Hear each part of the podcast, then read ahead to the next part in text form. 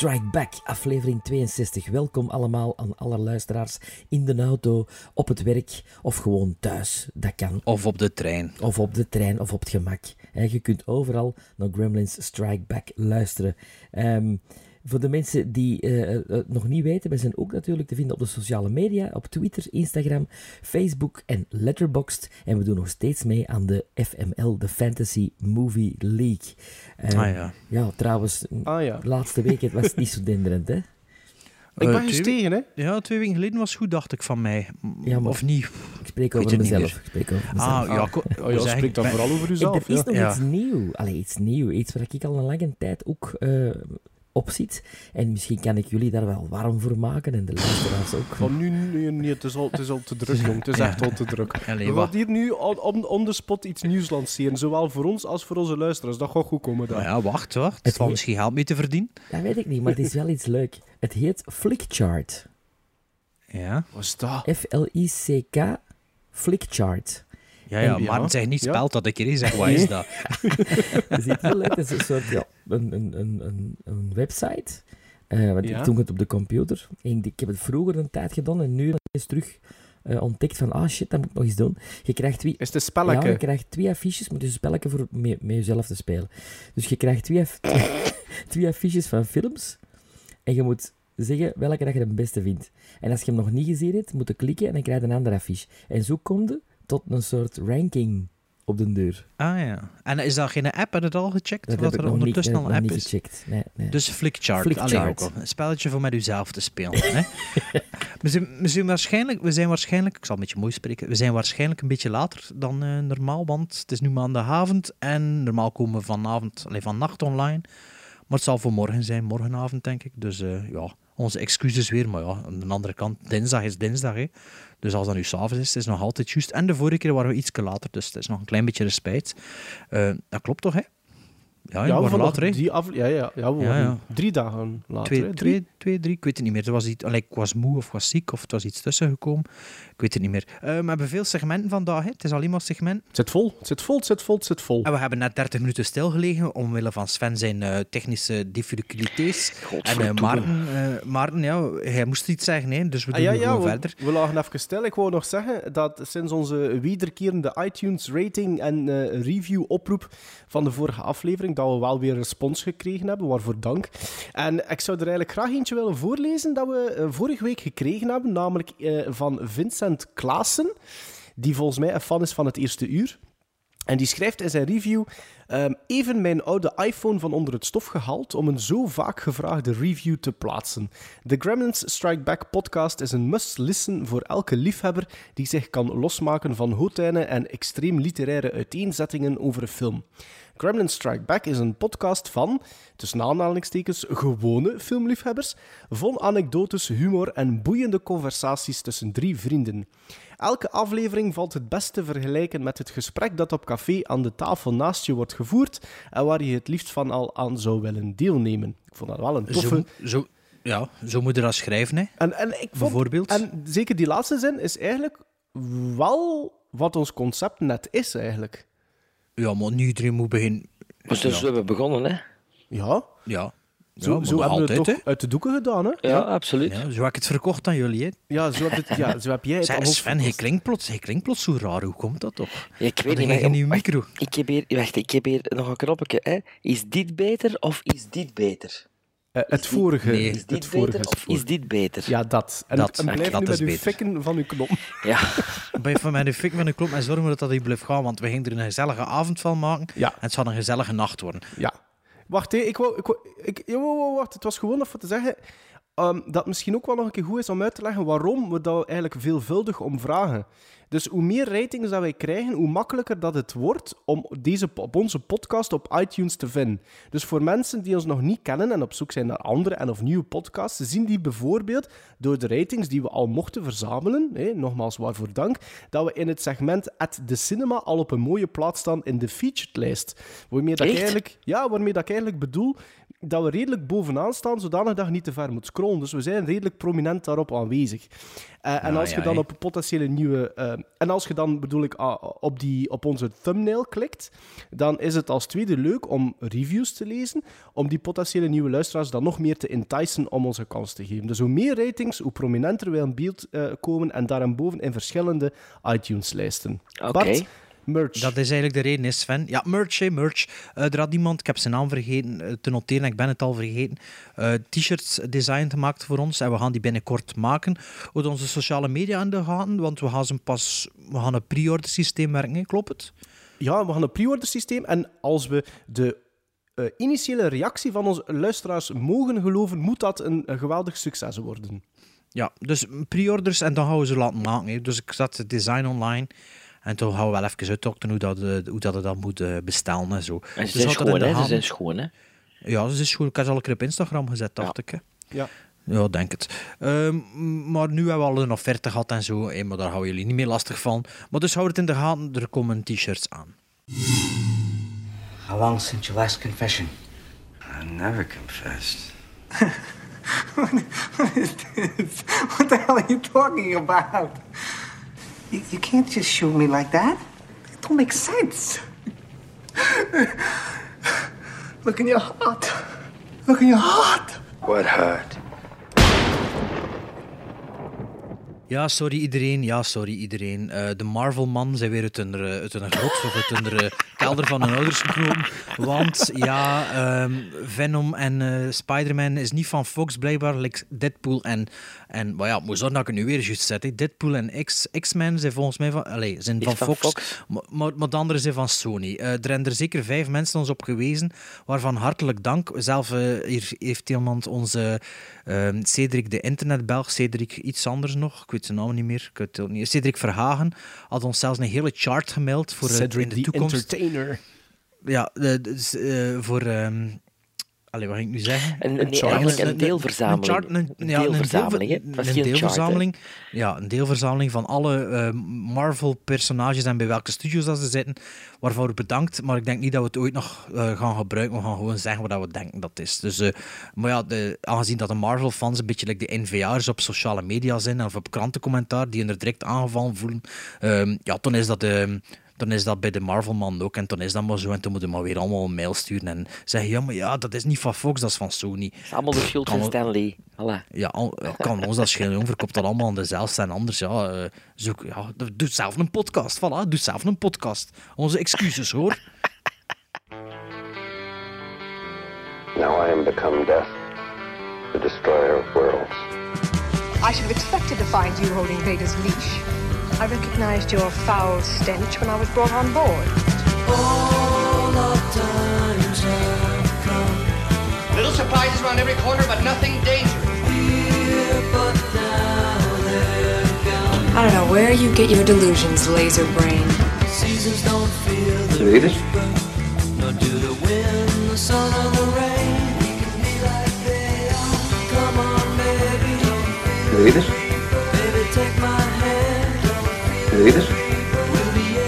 Op de valreep, op de valreep toch nog een, Don't Fear eh, de, de. Ehm, want ehm, een paar uur geleden kreeg ik een, een, een WhatsAppje van Maarten die zei: Rip Margot Kidder. En ehm, voor de jonge luisteraars die niet weten wie dat Margot Kidder is, wel, Margot Kidder is, is Lois Lane. Eh, naar mijn gevoel is nog altijd de enige Lois Lane ook. Eh, net zoals dat Christopher Reeve nog altijd de enige Superman is. Eh, omdat je ermee opgegroeid bent, hè, Bart en Maarten. Dat klopt, dat klopt, Met dat klopt. die iconische figuren. En een paar jaar dus na Princess Leia is het nu de beurt aan Lois Lane om eh, deze aardkloot te verlaten. Margot Kidder was wel een vrouw die, ehm, die is jong gestorven trouwens, 69. Ehm, die heeft wel wat het een en ander meegemaakt. Ehm, die heeft een, eh, een auto-accident eh, gehad in de jaren 90, waardoor dat ze twee jaar niet heeft kunnen werken. En zo bankroet is gegaan. Ehm, en dan met heel veel psychische problemen te kampen had, waaronder een zware vorm van paranoia. Ze is, eh, is gaan schuilen onder een porch waar dat een eh, eerste Superman-film is opgenomen. Eh, daar is ze onder een porch gaan zitten. Daar hebben ze haar dan gevonden, met haar afgeknipt. Ehm, omdat ze dachten dat een eerste man haar wou vermoorden. Eh, enfin, dus een zware manische depressie. Maar de laatste jaren deed ze het weer terug goed en was ze terug eh, aan het filmen. En eh, is ze in de therapie en dat is allemaal... Maar ja, je ziet, ehm, ehm, 69. Eh, ja. Buiten de Superman-films, de vier Superman-films trouwens, ehm, met Christopher Reeve eh, speelde zij ook mee, eh, heeft ze ook nog die Amityville Horror, de, de eerste Amityville Horror, in meegespeeld met Roger Tiger. Ehm, Black Christmas. Ja, dat is, Eh, ja, we hebben er wel over gesproken in aflevering 7. Ja. Over Ja, Black Christmas. over Black ja. Stockholm. Ja. Nee, niet Stockholm. Nee, nee, niet Stockholm. Stockholm. Dat is niet Maar waar. Nee, ik heb die film niet gezien. Ik ook niet. Ja. Ah, maar dat was... Nee. Jawel. Maar ik heb die film niet gezien. Nee. Black Er was een. Maarten Melons weetjes mee, een van Ik dat eerste. dat was. Zwat. Ja, ja. We hebben het er in aflevering 7 over gehad. Ik zou een keer moeten kijken naar Ja. welk segment dat was. Ja, zeker niet, zeker niet, want ik ken die film niet gezien. En Het dan was, ook- het, was, het, was, nee, het was zeker Melons een beetje mee. Wat hij vertelde dat het de favoriete film van Elvis was. Ja, dat is juist. Juist. Ja. Ja. En, en, en ze is ook te zien in een hele goede tv-film met Brian Dennehy, eh, To Catch a Killer. Ja, oh ja. Eh, ja. Eh, dus het was niet zo'n versatile actress, maar ze heeft toch een iconisch personage nagelaten, namelijk eh, Lois Lane. En ja, in de eerste Superman eh, zit er de, de ongelooflijke flight scene. Ja. En daar gaan we nu even naar luisteren. Peter Pan flew with children, Lois. In a fairy tale.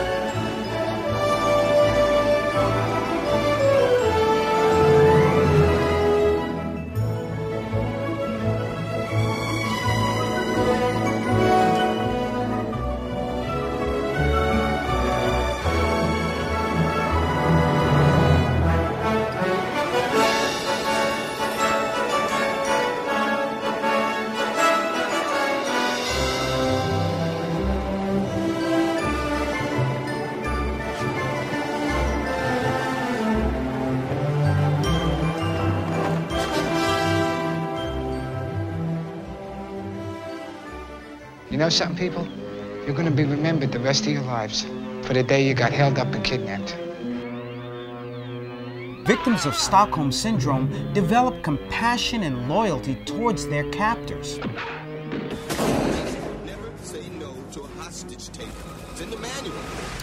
Stockholm-syndroom. Ehm, ja, voor, deze, ja, voor die dat het nog niet kennen, eh, ja, luister naar een andere aflevering, zou ik zeggen. hè. Drie, drie films hè, dat, we, dat we bespreken. Deze keer hebben we allemaal... eh, oh, jongen, hier houden we weer. Hè. De- want de vorige keer had ik het trouwens goed uitgelegd, hè, maar het was dan iets tussen gekomen en het was dan weer niet meer duidelijk. Ik denk dat Sven Dus ook weer de slappe lach had. Wij hebben Ja. ieder een film gekozen. Die de andere twee nog niet gezien hadden. Voilà. Ja, maar soms vari- varieert het en toch begin je er ertussen te ballen ja. en dan verlies ik mijn draad. Maar deze keer was dus echt de originele Stockholm-syndroom. Iemand kiest twee films die de andere twee nog niet gezien hebben. Zodanig dat we dus alle drie... Wat, hè, is het weer mis? Iemand kiest geen twee films, iemand kiest één film. In- Ja, iemand kiest één film. Ja, je weet het. Kijk, dat is de laatste keer dat ik dat hier uitgelegd heb. hè. Voor de nieuwe luisteraars, luister maar naar de vorige aflevering. Toch had het wel te weten. Maar deze keer was het ook wel een klein beetje Gremlin Strike Back Classic. Om, omdat Maarten en ik eigenlijk twee films... Allee, elk ene film gekozen uit de jaren 50. Dus ik was al aan het twijfelen of dat segment niet eh, Gremlin Strike Back Classic was. Want Maarten, Sven had ook een beetje een classic gekozen. Niet, niet dat dat een criterium is, hè, dat dat oud moet zijn, of Nee, nee, nee, nee, nee, nee, nee, want Sven- die van Sven is van de jaren 80, dus dat is nog niet zo oud. Maar ehm, het is dus wel degelijk Stockholm-syndroom. En ik had eigenlijk gekozen voor Sven en Maarten een film van 1951 van John Huston, The African Queen. eh, met in de hoofdrol Humphrey Bogart en of eh, hoofdrollen Humphrey Bogart en Catherine Hepburn. En daar speelt een zekere Robert Morley, die ik niet ken, maar jullie wel waarschijnlijk. Ja, ik zie het. Pff, Als ik hem zie, weet ik niet wie dat, dat is. Heb Als je nooit dingen IM gezien? Who's Killing the Great Chefs of Europe? Nee. Nee. Oké. Ah ja, daar is hij Voilà, bekend van dus. Oké, eh, de film heeft vier Oscar-nominaties gekregen. Beste scenario, beste regisseur, beste actrice en beste acteur. Die de eh, Humphrey Bogart ook mogen verzilveren heeft voor deze film. Ja. Ehm, vier Oscar-nominaties dus. En waarover gaat The African Queen? Eh, 1914. eh, Samuel Sawyer en zijn zuster Rose leiden een kerk in Oost-Afrika. Tijdens een inval van de Duitsers worden de inboorlingen uit hun huizen verjaagd en komt Samuel om het leven. Rose vlucht met Charlie Alnut, een avonturier en dronkaard, op dienstboot de African Queen. De twee zijn elkaars tegenpolen. Zij is een temperamentvolle vrouw met uitgesproken overtuigingen. Hij een eenling die idealen en uiterlijke tekens van beschaving al lang is kwijtgeraakt. Wanneer Rose voorstelt om de gevaarlijke Ulunga-Bora-rivier af te varen, waar het Duitse oorlogsschip de Louisa de scepter zwaait, denkt Charlie dat ze helemaal gek is geworden. Dat is zo de synopsis. Dat is niet slecht. Ja, is goed. Ja, Ja. ik heb nog niet te Ja. veel verteld. Ja. Niet te veel verteld, dus ik kan dat eigenlijk gewoon gecopy-paste weer van mijn vrienden van eh Movie Meter. Of hoe noemt die site weer? Ja, Movie Meter. moviemeter.nl. Voilà. En deze keer heb ik eh, zonder te veel Hollandse woorden erin, dus dat was goed. Dus Maarten, wat vond je van deze eerste visie van deze vier Oscar-genomineerde film? Ah, wel. The African Queen. Ah, wel ehm, ik ga direct zeggen, ik heb een fout gemaakt. Had hem al gezien. Nee. Ehm, het Ik heb zit toch zo... Africa Screams gezien van Nee, ah, nee, nee, en Costello. Nee, nee, nee, nee. Nee, Ehm, nee het zit er zo. Eh, zoals dat juist al zei, had dit segment eigenlijk eerder een reukje van een Gremlin Strike Back Classic. En ik heb de fout gemaakt, en ik doe dat normaal gezien nooit, voordat ik een film kijk voor, voor de podcast. Maar ik heb hem, die African Queen wil ik eigenlijk al even bekijken. En met extra dank aan Bart, aangezien dat ik van hem de DVD-cadeau heb gekregen. Maar ik besloot, vooraleer dat ik de film bekeek, de ratings op Letterboxd eens te raadplegen. Nu, ik verwachtte eigenlijk sowieso een goede film op voorhand. Dus daar ligt het niet echt aan. Maar ik zag voor het overgrote deel 4 tot zelfs 5-star ratings. Dus ik was eigenlijk nog meer eager om te kijken. Ik zal meteen zeggen dat ik The African Queen een goede film vind. En ik kan zeker begrijpen waardoor dat die eigenlijk door velen, als ik dat dan eh, zag op internet, aanzien wordt als een classic. Maar voor mij, voor het overgrote deel, vond ik de film niet echt boeiend genoeg. En het begon eigenlijk al met de eerste twee scènes. En het probleem daarin, in die eerste twee scènes, eh, eh, is dat die bijzonder lang worden aangehouden. Ehm, het ganse thee-drinksegment bijvoorbeeld, helemaal vooraan de film. Vooraleer bijvoorbeeld daar iemand begint te spreken.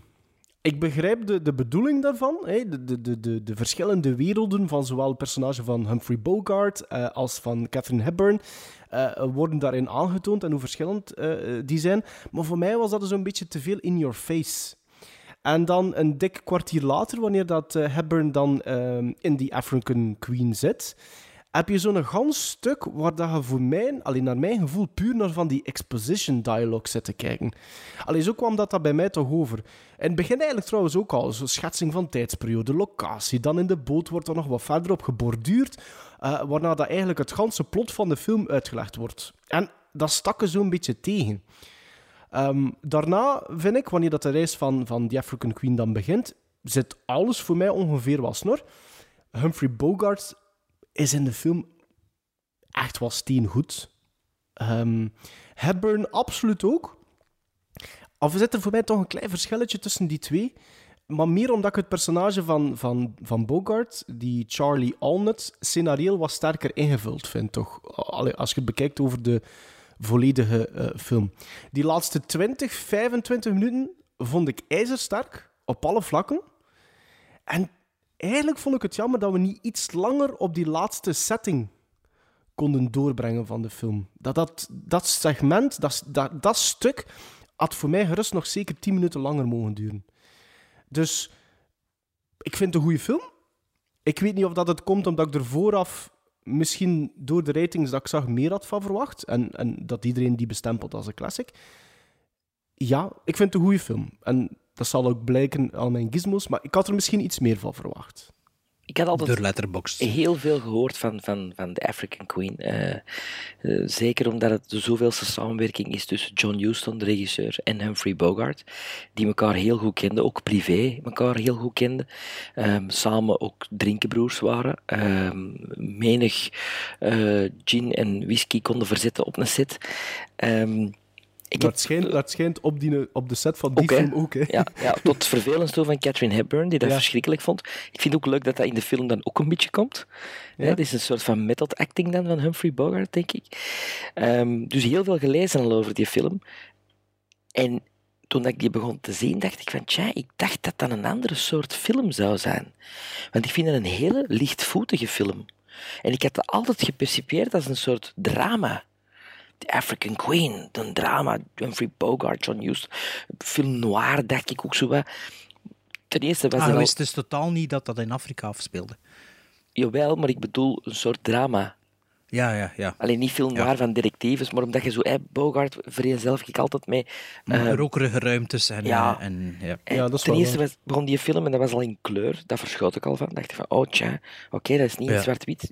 Ja, ah, wel, eh, als ik er nu over spreek in mijn kop, is dat eigenlijk ook een zwart-wit film. Is dat in black and white? Voor mij is dat juist hetzelfde. Ja, en ik moet nu zeggen, maar de, de DVD dat wij hebben, de kwaliteit is ook wel de transfer. Allee, de, de telecinema is wel niet zo goed. hè. Nee, verspringt nee, nee, constant van kleur. Wat ik heb toch gezien, voor de luisteraars, de film staat ook op YouTube. En de, die dingen dat op YouTube staat, is super pristine van kleur en van. En, Ja, ik heb die gezien Zeg, op YouTube. Op die, op die Ja. DVD was staat er op de voorkant iets van de, de Master Experience of Master Cinema of zoiets. En dan zie je, en het is gewoon eigenlijk een, een eerdere DVD-versie van Videofilm Express van in de tijd. En dat is al, Ja, dat is al is- even allee. geleden. Hè, Dat is, Videofilm dat, is een Express. beetje, dat is wel een beetje jammer dan. Het is Ja, ook sorry, de, de, nee, nee, de eerste kleurenfilm van Catherine Hepburn, ooit, heb ik opgezocht. Ehm, en wat blijkt nu, op een gegeven moment, terwijl ik die film ontzien denk ik van, maar ik, ik weet iets, ik weet iets van die film. Ik ken dat vooral zonder die film gezien te hebben. En dan viel me een frang. Dat is de film van en met Clint Eastwood, White Hunter, Black Heart. En dat is gebaseerd op het draaien van The African Queen. Ah, van dat zo. boek die geschreven is daarover. En, ja. wel, de, de, schrij- de schrijver die dat boek heeft geschreven over eh, het maken van eh The African Queen, hij heeft ook die boek, eh, die, is die verfilming, het scenario ervan geschreven, van, die met Clint Eastwood. En was dat niet de vrouw van Humphrey Bogart die dat boek geschreven heeft? Nee, niet Lauren Bacall. Ah, nee. Nee, Ah, nee, nee, oké. nee, Was hij had ook een boek geschreven, over, allee, of deels over, over de African Queen dan En. Catherine Hepburn ook. Ja, ja, ja, want, ja. want Lauren Bacall is een, grote, is een vriendschap eh, ontstaan met, eh, Met Catherine eh, Hepburn. Catherine Hepburn op deze sets. Ja, ja, dat zal Catherine Hepburn wel gewillen hebben.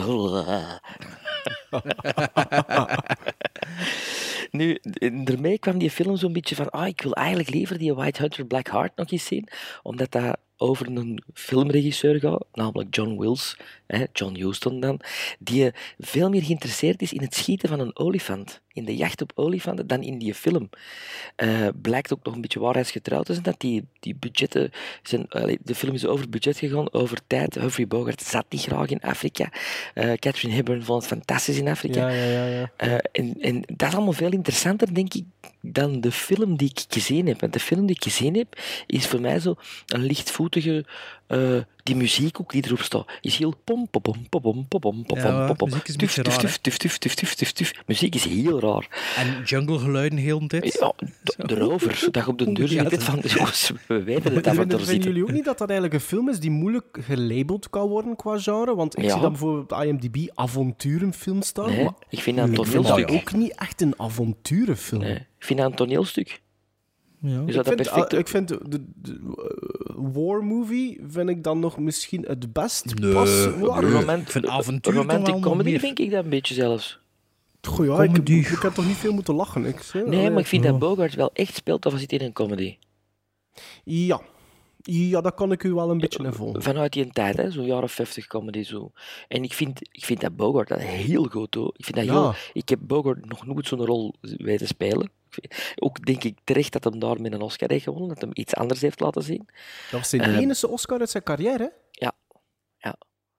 Eh, dus dat was wel plezant voor die zo bezig te zien. Ik geloof Catherine Hepburn niet als Engelse madame. Ik geloof dat niet. Zeker niet als Robert Morley zo perfect Engels spreekt en zij er, er best toe. Nee, Maar er niet in slaagt. Ja. Nee, ik geloof dat niet. Maar, maar je zegt lichtvoetig, maar de derde act is toch niet zo lichtvoetig? Ik vind dat wel... Integendeel. Wat Maarten best van al vindt. Allee, Ja. vind, ik ben er wel mee akkoord. Ik moet zeggen, ik ben grotendeels akkoord met wat Maarten over de African Queen zegt. Het was nu bij mij de, de derde visie. De eerste keer wist ik niets van die film, dus was ik aangenaam verrast. De tweede keer moest ik hem toch nog, nog een keer herbekijken in verband met een schooltaak. Dat heb ik de vorige aflevering ook gezegd. En nu was het dus de eerste keer dat ik hem terugzag en dacht, ja, het was toch niet zo goed of dat ik me herinnerde, moet ik nu wel zeggen. Allee, ik vond het ook niet slecht, hè, maar Vond het was zo van, slecht, ja, is, is dit het maar zo precies? Ja. Ja.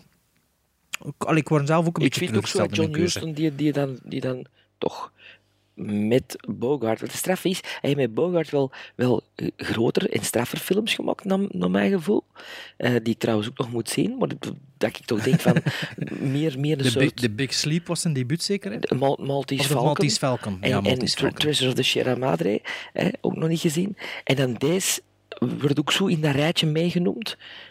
Maar ja... Pas op, allee, ik moet wel zeggen, de, de, de- African Queen be- bevat wel zeker nog veel positieve zaken, vind ik. Dus in dat echt, ik, ik vind dat er een paar hele mooie shots in op te merken vallen. Er- als, als, ze ik de weg niet. verlie- dat- als ze de weg verliezen en zo, vind ik ook wel sterke scènes. Ja, ja, Maar ik vind dat echt ik niet mooi, ik vind dat niet mooi gefotografeerd. Nee, ik vind dat ook niet speciaal gedraaid. eigenlijk. Ehm, de, de, de, de, als ze over, eh, op, een, op, op, op een reis eh, eh, beginnen, hebben ze daar een eerste, zo'n Rapid River. waar Dat is een maquette. Ja, dat vind ik, sorry, maar voor die tijd, in die miniatuur dat er gebruikt wordt van die boot, dat vind ik knap gedaan hoor. Dat is knap gedaan. Ik vind ja. dat mooi gedaan. Ja. Ja, oké, maar voor cinematografie is dat nu toch niet zo speciaal. Allee, ja. Nee, maar ik vond dat wel mooi. Allee, ik, vind, ik vond dat wel het, het waard om dat aan te halen. Dat toont wel dat er... Allee, ik vond dat niet lelijk. Allee, ik vond dat echt wel goed gedaan. Ehm, en Ja. ik zei het, voor mij zeker dat, dat, dat die laatste 20, 25 minuten, dat, was, dat werd gitzwart zelfs. Ja, dat vind ik ook wel het beste van de film. Dat, dat einde zo. En het had inderdaad wel wat langer mogen duren. Ja. En, en ja, het is, het is zo... ah Ja, ik weet het niet. Het is een beetje ongebalanceerd. In het begin is dat inderdaad zo... Die muziek, Ja. zo pop, pop, pop, pop, pop, pop. Van, ik dacht iets van, oh nee, dat is Nee, het is, voor mij was het vooral zo, je werd als kijker zo echt kinderlijk bij het handje genomen. En je moest luisteren naar van dit en hier zijn we en dit gaan we doen en daarom. En... Ja, misschien was dat ook in de jaren 50 dat ze terugtoonden van... Ja, in de jaren 10, toen was het pas, toen was het pas conservatief. En dat ze dat misschien een beetje extra moesten duiden... denk dat, dat, in de jaren, dat, dat dat in die tijd afspeelt. Omdat hij zit in een jungle setting, dus geen niet echt referenties. Behalve ja, die zwarte, die lopen er rond in, in, in een bloot gat. Dus dat hij geen kostuums... Humphrey Bogart en een overland, dus dat is geen tijdsbepaling. Dus ik denk dat dat daarom een beetje extra in de verf moet gezet worden. Van, we zijn echt wel in 1914, Ja. omdat we voor de rest van die, van die tocht hadden niet echt die referentie. Dus ik denk dat Normaal, dat moest, misschien daar... normaal moest hij ook Cockney spreken, maar dat ging niet. En dan van John Huston hebben ze daar maar een, Canadees van gemaakt. Ja. Dus ik zei, ja, Ja, kom, doe dat dan doe dat. Hey, Canadees, ja. van Catherine Hepburn, die probeert dan zo van de Engels te klappen en dat, dat marcheert dan ook niet. Ja, mij is dat niet echt opgevallen, moet ik zeggen. Maar ja, pff. Allee, we zijn eigenlijk alle drie niet echt... ehm, Maar, Ik vind het geen slechte film. Ik vind het wel geen slechte Ik film. Ik niet. vind het een Ah, goede film maar kijk, zelfs. maar, maar het- ik vind dat ook een goede het film. maar- Ja, we kunnen dat niet echt aanraden aan de luisteraars. Dus ja, sorry voor jullie tijd te verdoen, beste Nee, luisteraars. nee, ik, nee. Maar ik vind dat, ik geef dat zes gizmos. Ik vind dat, ik vind dat zeker oké, hè, maar ja. ik geef dat 5,5. Nee, Ja. Ik zou dat nog eh, een 7, toch net een 7 geven. Ja. Dus we zitten exact op dezelfde lijn, alle drie. From the thrilling pages of world-renowned author C.S. Forrester's story, and filmed in the jungles and at the headwaters of Africa, the Dark Continent, in all the magnificence of color by Technicolor, comes the most exciting adventure ever screened.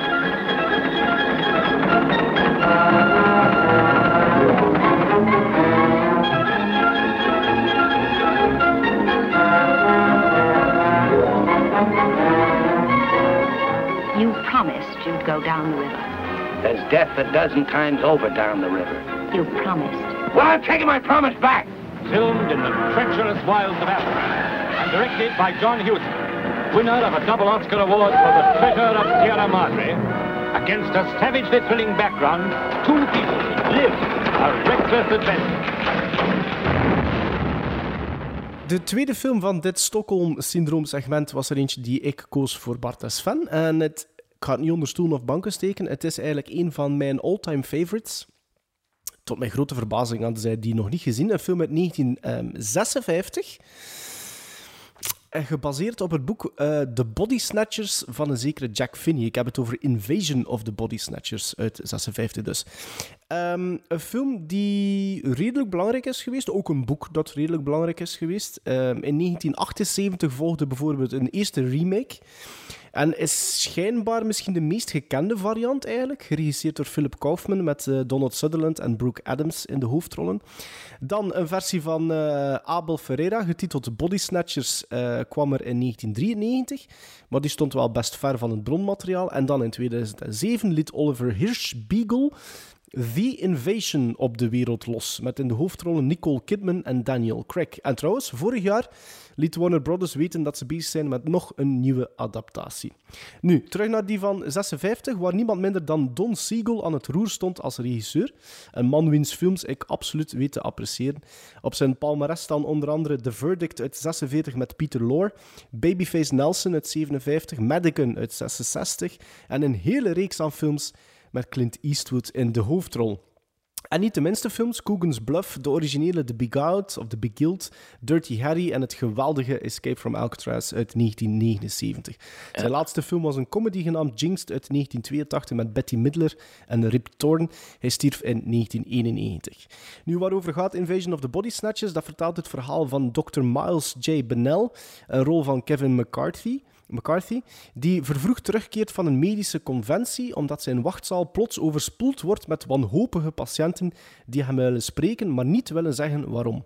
Eenmaal terug blijkt die plotse rush al over te zijn, maar toch strompelen nog een paar patiënten binnen die allemaal hetzelfde claimen. Een naast familielid is voor hen plots een imposter. Ze zien en handelen er misschien krak hetzelfde uh, uit en ze handelen misschien op dezelfde manier, maar er zit schijnbaar geen emotie meer in. Afgeschreven als paranoia blijkt al snel dat er meer aan de hand is. Sven en Bart. Zit je klaar? Ja. Zit je klaar? Nee. Voor, ik, ik, ik, krijg soms het verwijt.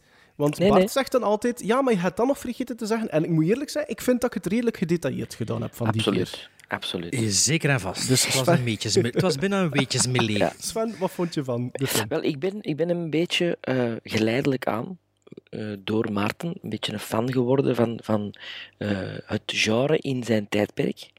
Eh, zeker met de vorige. The Incredible Shrinking Man. The Incredible Shrinking Man, dat volgens mij een 8 kreeg. 8 gizmos. Van toen. mij of van u? Van mij. Van jullie ja, alle twee, denk alle ik. twee bij een acht. Ja, ik, was, ik vond dat echt de moeite. Dus in dit, dit ehm, eh, moet ik zeggen, begon.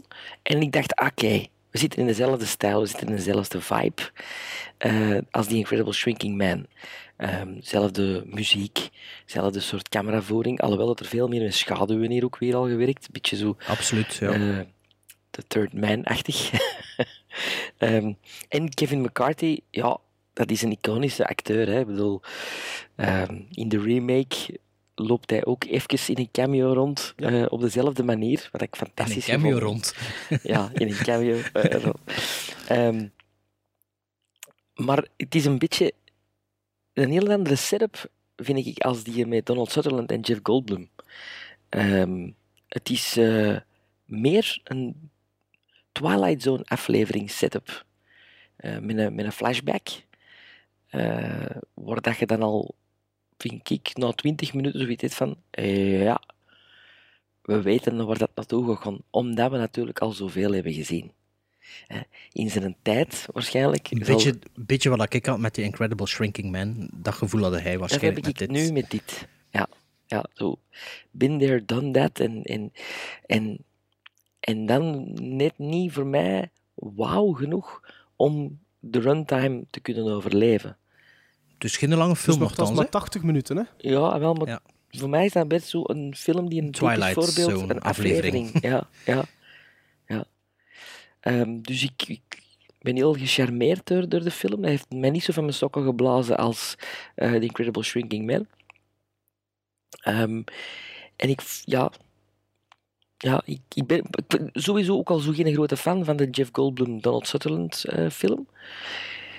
Dus waar dat ik mee denk, ik denk dat het verhaal mij niet zo boeit. Boeit, ja. Dat zal er Ja, misschien wel inderdaad van iets mee te maken hebben. Ja. Ja, ik, ik ken de Donald Suther- Sutherland-versie wel al een paar keer gezien. Maar het is nu al al lang geleden. hè. De andere remakes heb ik niet gezien. Ik heb wel nog ooit een die van de jaren 90 op VHS gehad. Toen had ik een lot gekocht, had, maar pff, ik heb er nooit naartoe gekeken. En van die Donald Sutherland-versie weet ik ook wel, wist ik, allee, weet ik nog altijd niet meer zoveel. Ik heb die wel op Blu-ray liggen. Ik ging die nog kijken gisteren, maar het is er niet van gekomen. Dus voor mij, ik wist, allee, ik wist nog wel een beetje het- de opzet, maar voor de rest wist ik niets meer, of weet ik niets meer van de 78 remake. Dus ja, deze film waar ik nu wel... Allee, de grote lijnen wist ik wel dat er ging komen. Dus dat stoorde me op zich niet toen dat die film begon. Inderdaad, het is misschien wel, dat je zegt, ehm, ja, met die flashback beter als een, eh, een aflevering van iets. Ja, ik dacht ook, dat, dat was dan toch een keer, deze film dacht ik altijd in mijn hoofd dat dat een kleurenfilm was, maar het was dus blijkbaar zwart-wit. Hij bestaat, Ehm, hij bestaat in een ingekleurde versie ook. Echt? Ah ja, is het waar? Ah, ja. ja. oké. Ehm, Ik heb de, mijn DVD-versie, Wel- kun je optioneel de black and white of de, de colored version Ja. bekijken. En deze is ook eh, in minder dan drie weken gedraaid, deze film, las ik ook nog. Ehm, Ja, ja, blijkbaar. ja. Allee, het is een korte film, maar allee, het is toch snel gedraaid. Ehm, dus eh, Kevin McCarthy, moet zeggen, die naam zei me niets, maar toen dat ik hem zag, was direct, ah, die gast. En toen moest ik zo denken, ah shit, wat ik zag zo'n bekende foto voor me. Was die min of meer hetzelfde, hetzelfde kapsel? Nee, hetzelfde kapsel in het begin van ehm, Invasion of the Body Snatchers. En toen zag ik het voor me, dit is, dit is een bekende foto van hem met alle ghoulies rond hem. Denk Ghoulies 3. Ah, oké. Goes to college, go to co- goes to Ja, college. er is zo'n bekende foto, allee, dat, dat ik al veel online zien passeren, maar misschien zelf nog gedeeld. Met dat haar zou ik zeggen, ah ja, dat is een dien. En ik kan me denken, allee, en toen dat ik het opzocht, ja, je hebt meer dan 200 credits of zo. Je werd wel in veel Inner- classics Inner meegespeeld. Space zit hij ook, hè? Inner Ja, Space. Ja, Ja, maar Dante ook een fan zijn. Ik zag, eh, ik zag ook dat hij in de film ehm, Dark Tower meespeelt uit de jaren 80. Heb je dat iemand ooit gezien? Dat zag er wel nog cool uit. Allee, Nee. de, de, de videocassette goed, hè. En misschien moeten we die onthouden, die Dark Tower. Dat zag er wel nog cool uit. Ehm, maar dus Invasion of the Body Snatchers, ja. Ehm The Incredible Shrinking Man, om het dan ook maar erover te hebben, ja, dat, dat kost me niet zo bekoren. Maar bij dit hier zo... Ja, hier, hier was ik wel eigenlijk van in het begin mee. En eigenlijk Hans de film lang, ook al wist ik waar dat naartoe ging, ik bleef, ik bleef dat wel boeiend vond. Ik vond de muziek niet zo goed. Ik vond de muziek te... weet dat, wat als Sven met de African Queen had misschien. Maar ik vond de cinematografie wel heel mooi. Behalve in het begin zitten er wat day for night scènes, dat je echt ziet dat dat overdag is. Ja. Dat moest nachts zijn, maar je ziet echt dat dat overdag is. Later zitten er echt nachtscènes in. Eh, er zitten ook Dutch angles in. eh, Ja, in de Ja, ja, wel. de Third Man vergelijking Ja, ja. Maar ik vind, ik vind het over het algemeen wel heel schoon gedraaid. Tegen het einde lopen, lopen ze in een tunnel en zit er dan een shot in. Dat ze zo in de, in de verstoppen onder de grond. Ja, en dat ja. shot blijft aanhouden. En je ziet dan de mensen van in de tunnel lopen. Dat is echt een magnifiek shot. Ja, en dan de tegenshots van in de put ook zo. Dus dat vond ik, allee, dat vond ik wel goed. Ik vond ook de, de, de, de ja, noem je dat, de cocoons of de bloemen of De wat dat ook was. Of de pots. Ja, de, dat vond ik vond dat, vond dat goed van, van look, van de visual effects. Dat, voor, zeker ja, eind jaren 50 zijn. Ik was er wel bij mee. Maar een beetje hetzelfde probleem als Sven. Ja, niet dat dat de film zijn schuld is, maar ja, we hebben dat allemaal wel al een keer gezien. Dat is raar, Terwijl want, dat de- jullie, want jullie hebben daar Ja. meer moeite mee voor dat los te koppelen. hè. Ik kan dat perfect Ja, loskoppelen. maar... Ja, Ik Ja, kan dat dat- al honderd keer de- ook zo, maar met deze kon ik dat moeilijker loskoppelen, Ja, omdat daar maar- een remake van is. Veel remakes. Maar van de Shrinking Man niet, hè. Nee, Nee, maar nee. je hebt dat toch ook al in The Simpsons gezien, of Family Guy, of in South Park, of Ja, zo. maar ik maar niet, op- al die dingen op de correcte manier. Alleen niet op Maar die niet op de correcte manier, maar ja, je weet, allee, dat is toch, en toen met dat jaren, omdat dat ook altijd zo gepersifleerd, gepersifleerd wordt in dat jaren 50 acteren en de jaren 50 look en zo. Dus als dat gepersifleerd wordt, wordt er altijd naar de jaren 50 gerefereerd. Dus je hebt er altijd zo wel iets van, ja, ik ken dat ik wel al gezien. Wat ik ook wel cool vind, is dat op een gegeven moment dat ze wel alle twee amfetamine pakken, toen dat er nog legaal was. Ja, dat er nog geen, dat er nog geen speed was, dat dat gewoon een amfetamine, amfetaminepil was. Maar ja, allee, ik vond, eh, ik vond dat wel veel beter dan de... In, allee, veel, ja, ik vond dat beter dan de Incredible Shrinking Man. Misschien omdat het zo kort was, dat kan wel zijn. Ach wel, Incredible Shrinking Man was er misschien ook niet zo'n lange Ah, film. wel, ik heb, ik heb een, ver- een vergelijking gemaakt met Invaders from Mars. Een originele. Nog nooit gezien, nog nooit Ja. gezien. Die van En die vind ik- 56? Ja, ook. die vind ik Is wel dat sterk. 56? Ik denk dat zoiets, 6 of 58, zoiets. Ja. Ik vind die wel sterker dan een... Zo'n beetje hetzelfde, hè. Wauw, ik zou dat niet volledig in hetzelfde dingetje willen krammen. Hè. Het is toch Ehm, ook iets dat, dat land en dat... allee, Ja. Ja. En dat een, de, dorpje overneemt en de mensen beginnen raar... Village of the Damned is ook een klein beetje in die stijl. Zo. En wat ja, dus dat jaren, de- dat jaren 50 sci-fi Ah, zo- ding zo. het Atomic. Atomic Age, ja, communisme. Communisme, ja, hè. Dat op een gegeven moment wordt er zelfs gezegd van... ook. Ja, meer communisme, denk ik. Maar, maar wacht, allee, ik heb er nog een paar dingetjes te vertellen. Ja, Als- wa- als- wacht met uw weetjes, mijn Voilà. leek ze nog bezig. Het is goed. Ehm, nee, wat ik gewoon zeggen is eigenlijk eh, de, de reveal van ehm, Don, Donna Winter. De, die vrouw die Becky speelt, de love interest, zo gezegd, van een Becky. Driscoll. De eerste keer dat ze in beeld komt, is echt zo schoolvoorbeeld van de Hollywood glamour, dat, dat ze een leading lady, hoe dat ze dat in beeld brengt. De eerste keer dat ze in beeld komt, is dat precies de schoonste vrouw dat je ooit gezien hebt. En als de film maar verder gaat, je van, god, het valt precies... Allee, dus geen lelijke, maar dat eerste shot, had ik echt zoiets van, wow, wat een schone vrouw is dat. En... Dat is, dat is echt zoiets voor zo de filmschoolstudent. Als je dat een keer wil zien, vond ik dat in deze film echt zo'n reveal. Dat is echt van, wow, de dame is daar zo. Ja, ja, Allee, ik niet of je- dat gevoel had? Absoluut, Of- absoluut. dat was echt, want het viel me toen op dat later in de film was ik zo, ik niet zeggen dat, dat ik het een lelijke vrouw vond, maar ik was er zo lukewarm over. Terwijl in het begin dacht ik, waar ik echt overdonderd als kijker. Zo. En dat vond ik wel, dat vond ik wel cool. En wat ik ook nog wou zeggen is, ze spreekt over een fat traffic cop en je ziet hem vijf minuten later en die is dunner dan ik. Dus ik vind dat een beetje een belediging voor, eh, voor, eh, voor die kop. voor mezelf, wil ik ook nog zeggen. Maar kijk, ja, dat was mijn zegske. Ja, ik, ik, ik, ik moet eerlijk zijn. Ik, ik, allee, het is niet dat jullie negatief zijn ingesteld over Nee. Invasion. Nee? Nee, dus dat nee, vind ik al tof. Maar ik, ik, allee, ik ben toch wel ja, positief, want ik vind dat echt een weergaloze film. Ehm, en, en een van de sterkste punten van Invasion of the Body Snatchers vind ik het gebruik van die voice-over door Kevin McCarthy. Ehm, dat, dat noir-element dat verweven wordt in een, in een sci-fi slash horrorfilm, dat geeft zo'n extra cachet aan die sfeer. En ja, dat, die, dat slaagt er telkens in van mij daarin onder te dompelen in die film. Ik vind het tempo hoog. Ik weet niet wat dat jullie dat vinden. Ik vond dat echt wel een hoog tempo. Ja, Ehm, zeker, zeker, dat- zeker. Ik vind het verhaal vind ik top. De acteerprestaties waren goed. Het grootste minpunt, maar ik ga dat nu niet uitleggen wat dat, dat juist is. Er zit wel een gigantische plothole in Invasion of the Body Snatchers.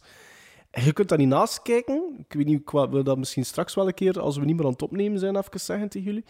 Ehm, je kunt daar niet na- naast kijken, maar eh, desondanks blijf ik die film een, hoge score geven. En ehm, tot op de dag van vandaag is dat ook een film dat er heel veel theorieën in gezocht worden. Bart eh, en Sven, jullie kaarten dat juist al aan. Ehm, hoewel dat de, de Jack Finney, dus de auteur van een boek, dat altijd naast zich neer heeft gelegd, zag men daarin bijvoorbeeld een aanklacht in tegen McCarthyisme, inderdaad. Die beschuldiging van anticommunisme in de States tijdens de jaren, eh, tijdens de jaren 50. Of een andere theorie is de, de verandering van de rol van de vrouw na Wereldoorlog 2, die prominenter en sterker op de voorgrond eh, kwam. En daar hebben we het al een keer over gehad, hè.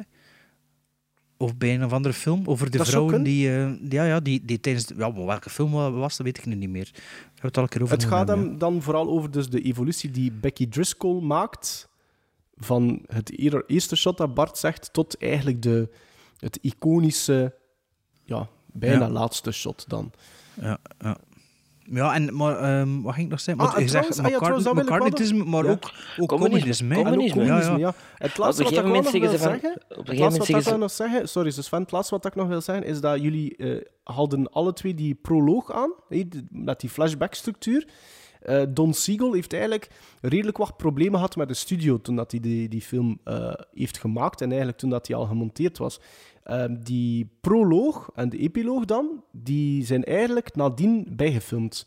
Dus die Ah, zaten ja. niet in de eerste En de versie van de film. voice-over ook dan, of ja, niet? ehm, wel, die voice-over was... Ah, wel, misschien niet. Ja, Ja. inderdaad. Er zijn er stukjes eh, bijgevoegd. Ehm, maar de, de, het, het originele einde van Invasion of the Body Snatchers stopt wanneer Kevin McCarthy de iconische Gedaan is met zijn woorden verhaal, zegt. ja. Ja. die iconische woorden zegt, they're already here, you're next. En dan stopt normaal gezien de film. Uh, Ja, ja, maar Sven, ja. jij wou nog iets zeggen? Ja, nee, dat, op een gegeven moment zeggen ze eh, van, you mean they're like, we're gonna be all the same. Hè?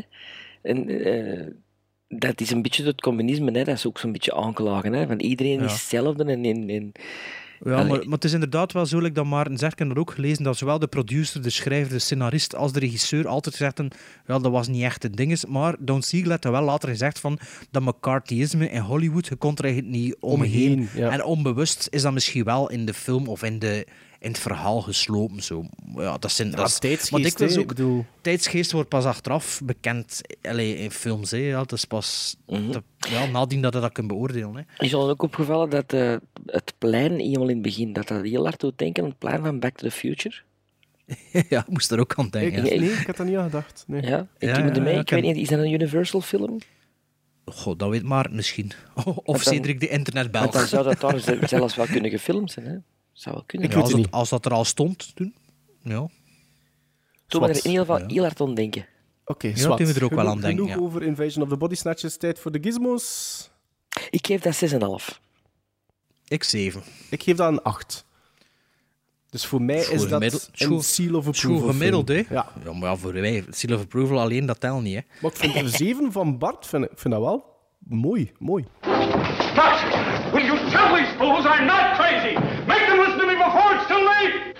Listen to me. Please listen. If you don't, if you won't, if you fail to understand, then the same incredible terror that's menacing me will strike at you!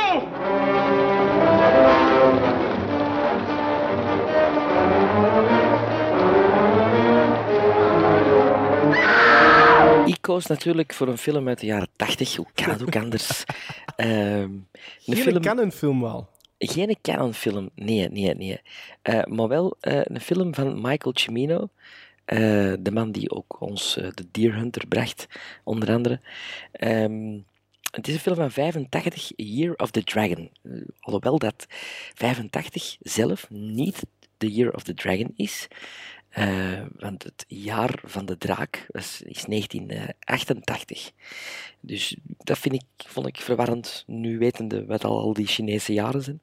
Maar bon, zwart. De synopsis. Joey Tai, eh, gespeeld door John Lone, is een gevaarlijke zakenman. Met geweld, met geweld werkt hij zich een weg naar de top van de Chinese triade in New York City. Hij wordt het doelwit van Stanley White, gespeeld door een zeer goede en jonge Mickey Rourke, een politieagent die nog meevocht in de Vietnamoorlog. Stanley maakt er een persoonlijke missie van om de Chinese gangster neer te halen. De wapenstilstand tussen het politiekorps en de triade wordt hierdoor verbroken. Stanley is ook een getrouwde man, maar zijn huwelijk loopt niet van een leien dakje. Stanley en zijn rivaal zijn bereid om over lijken te gaan om elkaars plan te dwarsbomen. Ja, hè. Ja, Year of the Dragon. Ik, kwam, ik was er een keer mee afgekomen in onze WhatsApp-groep, eh, exclusief voor deze drie leden. Ehm, had ik gezegd van ja... Gelukkig. ik had gezegd Year of the Dragon, ja, ik had er nog nooit van gehoord. Kende er al iemand? Hey, en toen zei ze van ja, het zal wel. En toen maar, ja, dat heb ik niet gezien. Eh, wat ik niet wist is dat dat van eh, Michael Cimino was. Ehm, Had je er echt nog van gehoord? Van die film? Ja. Nee. Ah, nee. Maarten, had je er al van gehoord? Nee. Nee. Ook niet? Nee? Nee. Allee? nee. Nochtans heeft de film de Joseph Plateau-prijs gewonnen in 1985 of 86, het filmfestival van Gent. Huh? Zag ik. Ehm, ja, ja, en ook veel Razzie-nominaties had hij ook gekregen. En misschien zelfs verzilverd.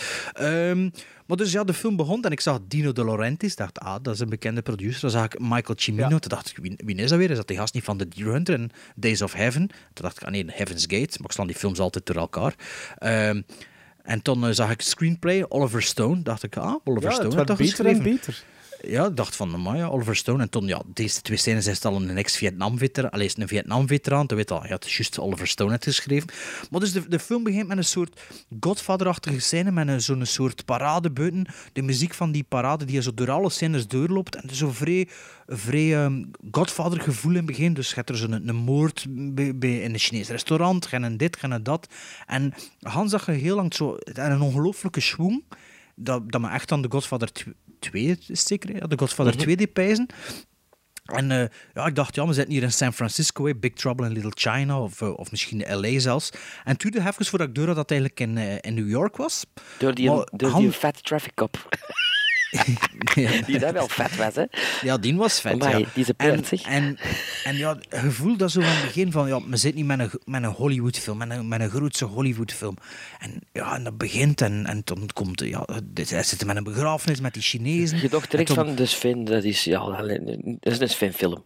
Eh, Nee, nee, maar ik zat er naartoe te zien. Dat, ja, dat, dat, dat, allee, dat, dat, dat, dat gaat fantastisch worden hier. hè. Mickey Rourke komt erin, die speelt supergoed. Er komt de, de andere actrice er aan te pas. Ariane is haar volledige naam. Dus eh, de, de Chinese love interest.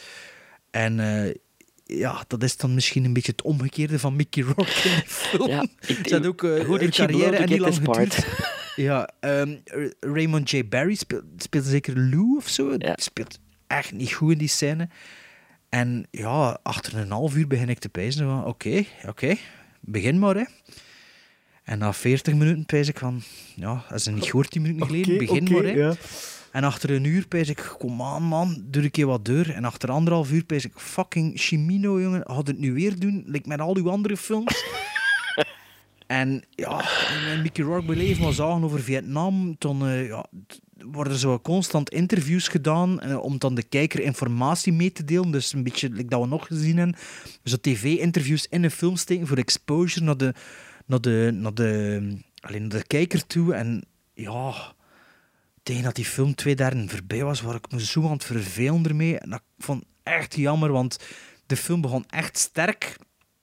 En, maar over het algemeen wordt er ook gewoon niet zo goed geacteerd. En ja, en er zit geen tempo in. Ja, het begin, allee, het, is, het is echt een, een berg die er afdaalt van, van niveau. Ik, tegen dat die film, ik was echt blij dat hij gedaan was. Het een lange film, dat weet Ja, ik niet. twee uur en- 15, twee Twee- uur kwart. Ja, en, ja, en het is zo heel de tijd zagen Ook over Vietnam. tegen Chimino, hè, twee uur in. ja, ja. En zo heel de tijd zagen over, dat ik ook zo stom vind, zijn ze al heel de tijd aan het zagen over Vietnam tegen Chinezen. Maar ja, bedoel, die Chinezen, dat is, dat is Vietnam niet, hè. Allee, dat is precies of... Stel je voor dat er Amerikanen tegen ons heel de tijd aan het zagen zijn over, ik weet niet, over Tsjechië. Ja, dat is België niet, hè. Allee, ja. Dat, dat, en dat is echt meermaals in die film dat ik bij zo, ja... En toen plots zit er wel zo, tegen het einde wel een heel trashy stukje, twee, drie minuten, dat plots ja, precies een andere regisseur even zijn ding mocht doen. Zo precies eh, William Lustig, die, die zijn ding mocht doen. Ja, juist. En dat was zo Een van, wat is dat hier? momentje zo. Een kopmomentje. En toen was ik even weer wakker en dacht van, oh, wat was dat nu? Maar ja, het is zodanig rap gedaan. Ja, en dan wordt het weer saai. Dus ik was eigenlijk wel redelijk teleurgesteld, moet ik zeggen. Mm, Ja, een beetje jammer, want het begin, begon echt veelbelovend. En Mickey Rourke speelt echt super, ik vind dat inderdaad ook. Maar ja, de rest kan zijn niveau niet aan. Maar ja, chance dat hij hem er nog in zit, zou ik dan zo zeggen. Ik weet het niet. John Lone vind ik ook wel goed, hè.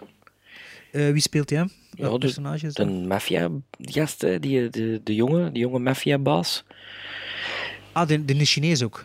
Ja, Joey Tai, hè, degene die, dus, degene die ja, ja. iedereen uitmoordt van de andere families. Ja, dat is die het jaar en, die- en die een Italiaan, die een Italiaan vond ik ook wel nog cool. Ja, het die jaar daarna ja. speelde John Lone eh The Last Emperor. Van Ah, Bertolucci. ja, Oké, ah, ja. Oké, dat heb ik niet gezien.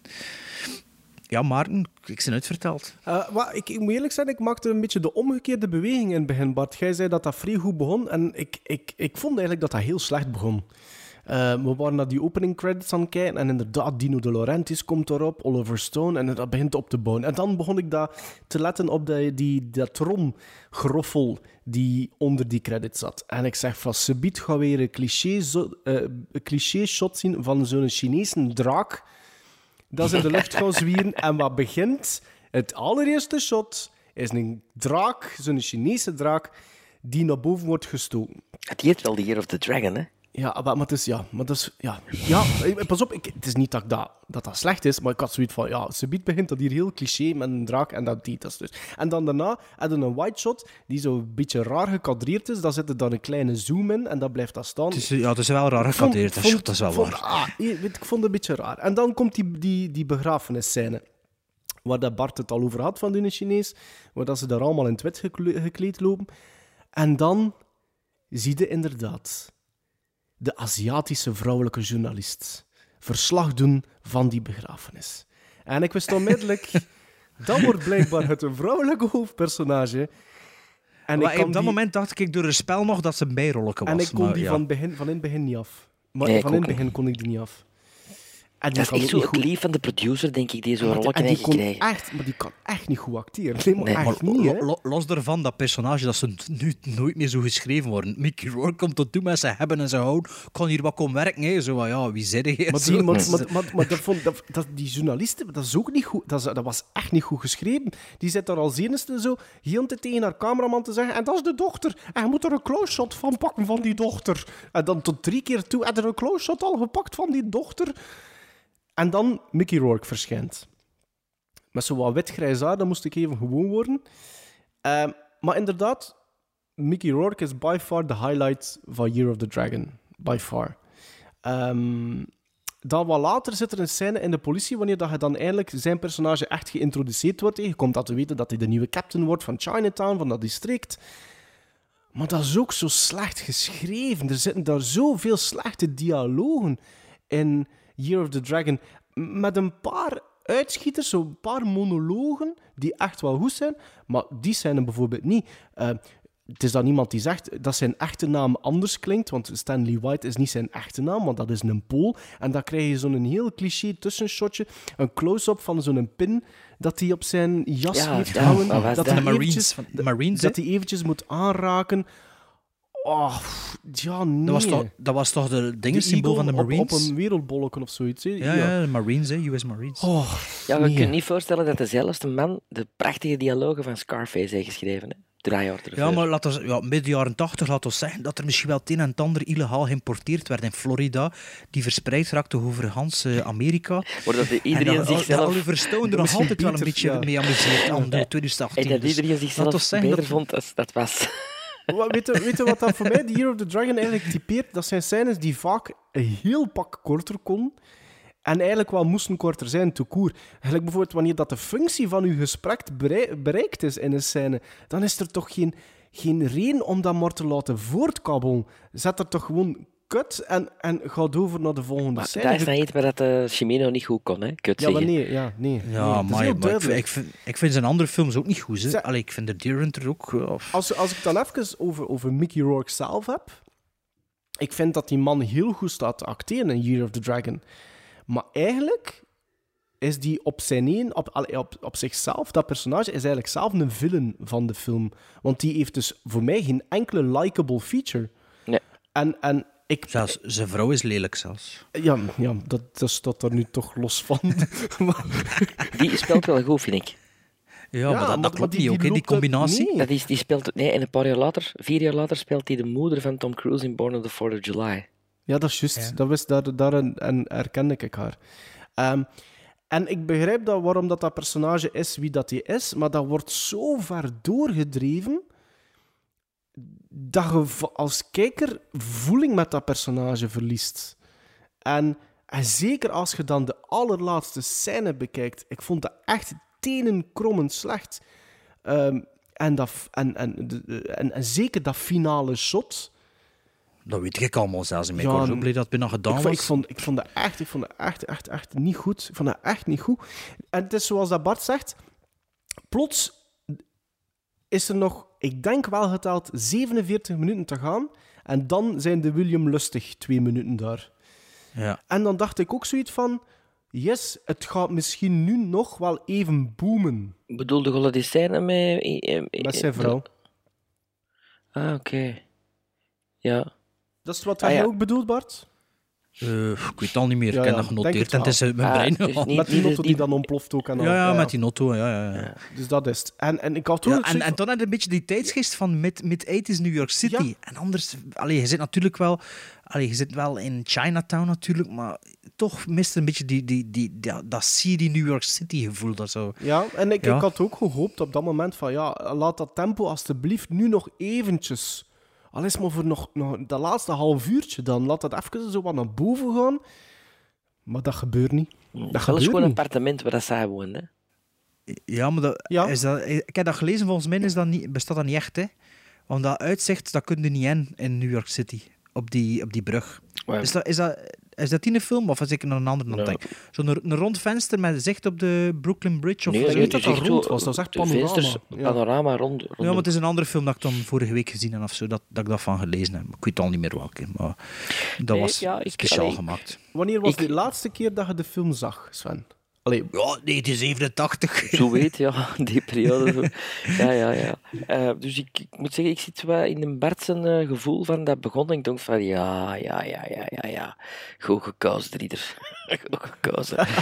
Zo- zo plum, plum. Ja, die shootout in dat, in dat Chinese restaurant ook, vond ik ook heel goed. Heel relentless. Ook van, wow, my. Ja, ja, ja. Maar die hier actrice, die haalt alles naar beneden. En, en die haalt voor mij ook het tempo naar beneden. Niet alleen zij, hè. Ja, kun je zeggen, kun je daar niet alleen maar een paar steken volgens mij. maar- Ja. Allee, het tempo ligt sowieso niet enkel en Nee. alleen aan haar. Dus het was voor mij een beetje een, een kleine teleurstelling. Ehm eh, ja, weer zo'n film dat je denkt van... In mijn herinnering was die een graver. Maar Sven, ik had het ook met de African Queen. Dus maar soms, soms vraag ik me af of dat we misschien... Of allee, als ik dan kijk, of dat ik iets mis. Als ik naar die, allee, toen dat ik naar, naar de film had gekeken, want ik keek dan bijvoorbeeld weer, toen dat ik hem logde op Letterboxd, en ik zie daar ook drie, vier, vier en een half. Ik heb zoiets van... En Ja, ik lees, maar en ik lees, er maar altijd ik lees- tegen, Ja, tuurlijk, maar ik lees er zo wat reviews. Ik zeg van, allee, jongens, naar welke film hebben jullie gekeken? Dus ik Ja, weet het maar- niet. Dat- is blijkbaar voor velen toch wel nog een, een, een stapje hoger, of een trapje Voor mij de enigste factor, die, ik- dat is de nostalgie. Van, weet je, dat hij in de cinema Ik speelde. weet, en, nu, ik weet nu dat ik nooit, zelfs nog, allee, ik wil nooit nog beginnen aan Hero the Dragon. Ik moet dat nooit meer zien. Ik heb me Mhm. meer verveeld dan iets anders. Ja, ik snap het. Ik snap het. Ik, ik volg jullie. Allee, ze geeft dan maar gizmos. hè. Wacht, zal ik eerst geven? 4,5 gizmos. Ik ben net afgerond op vijf, doordat de paar momentjes dan in het tweede uur dan, zo gezegd. En voor mij is dat een zes. En vooral door Mickey Rourke en door het nostalgische gegeven van die film. Maar niet meer dan een zes. Ik heb me niet verveeld, maar duurde veel te lang.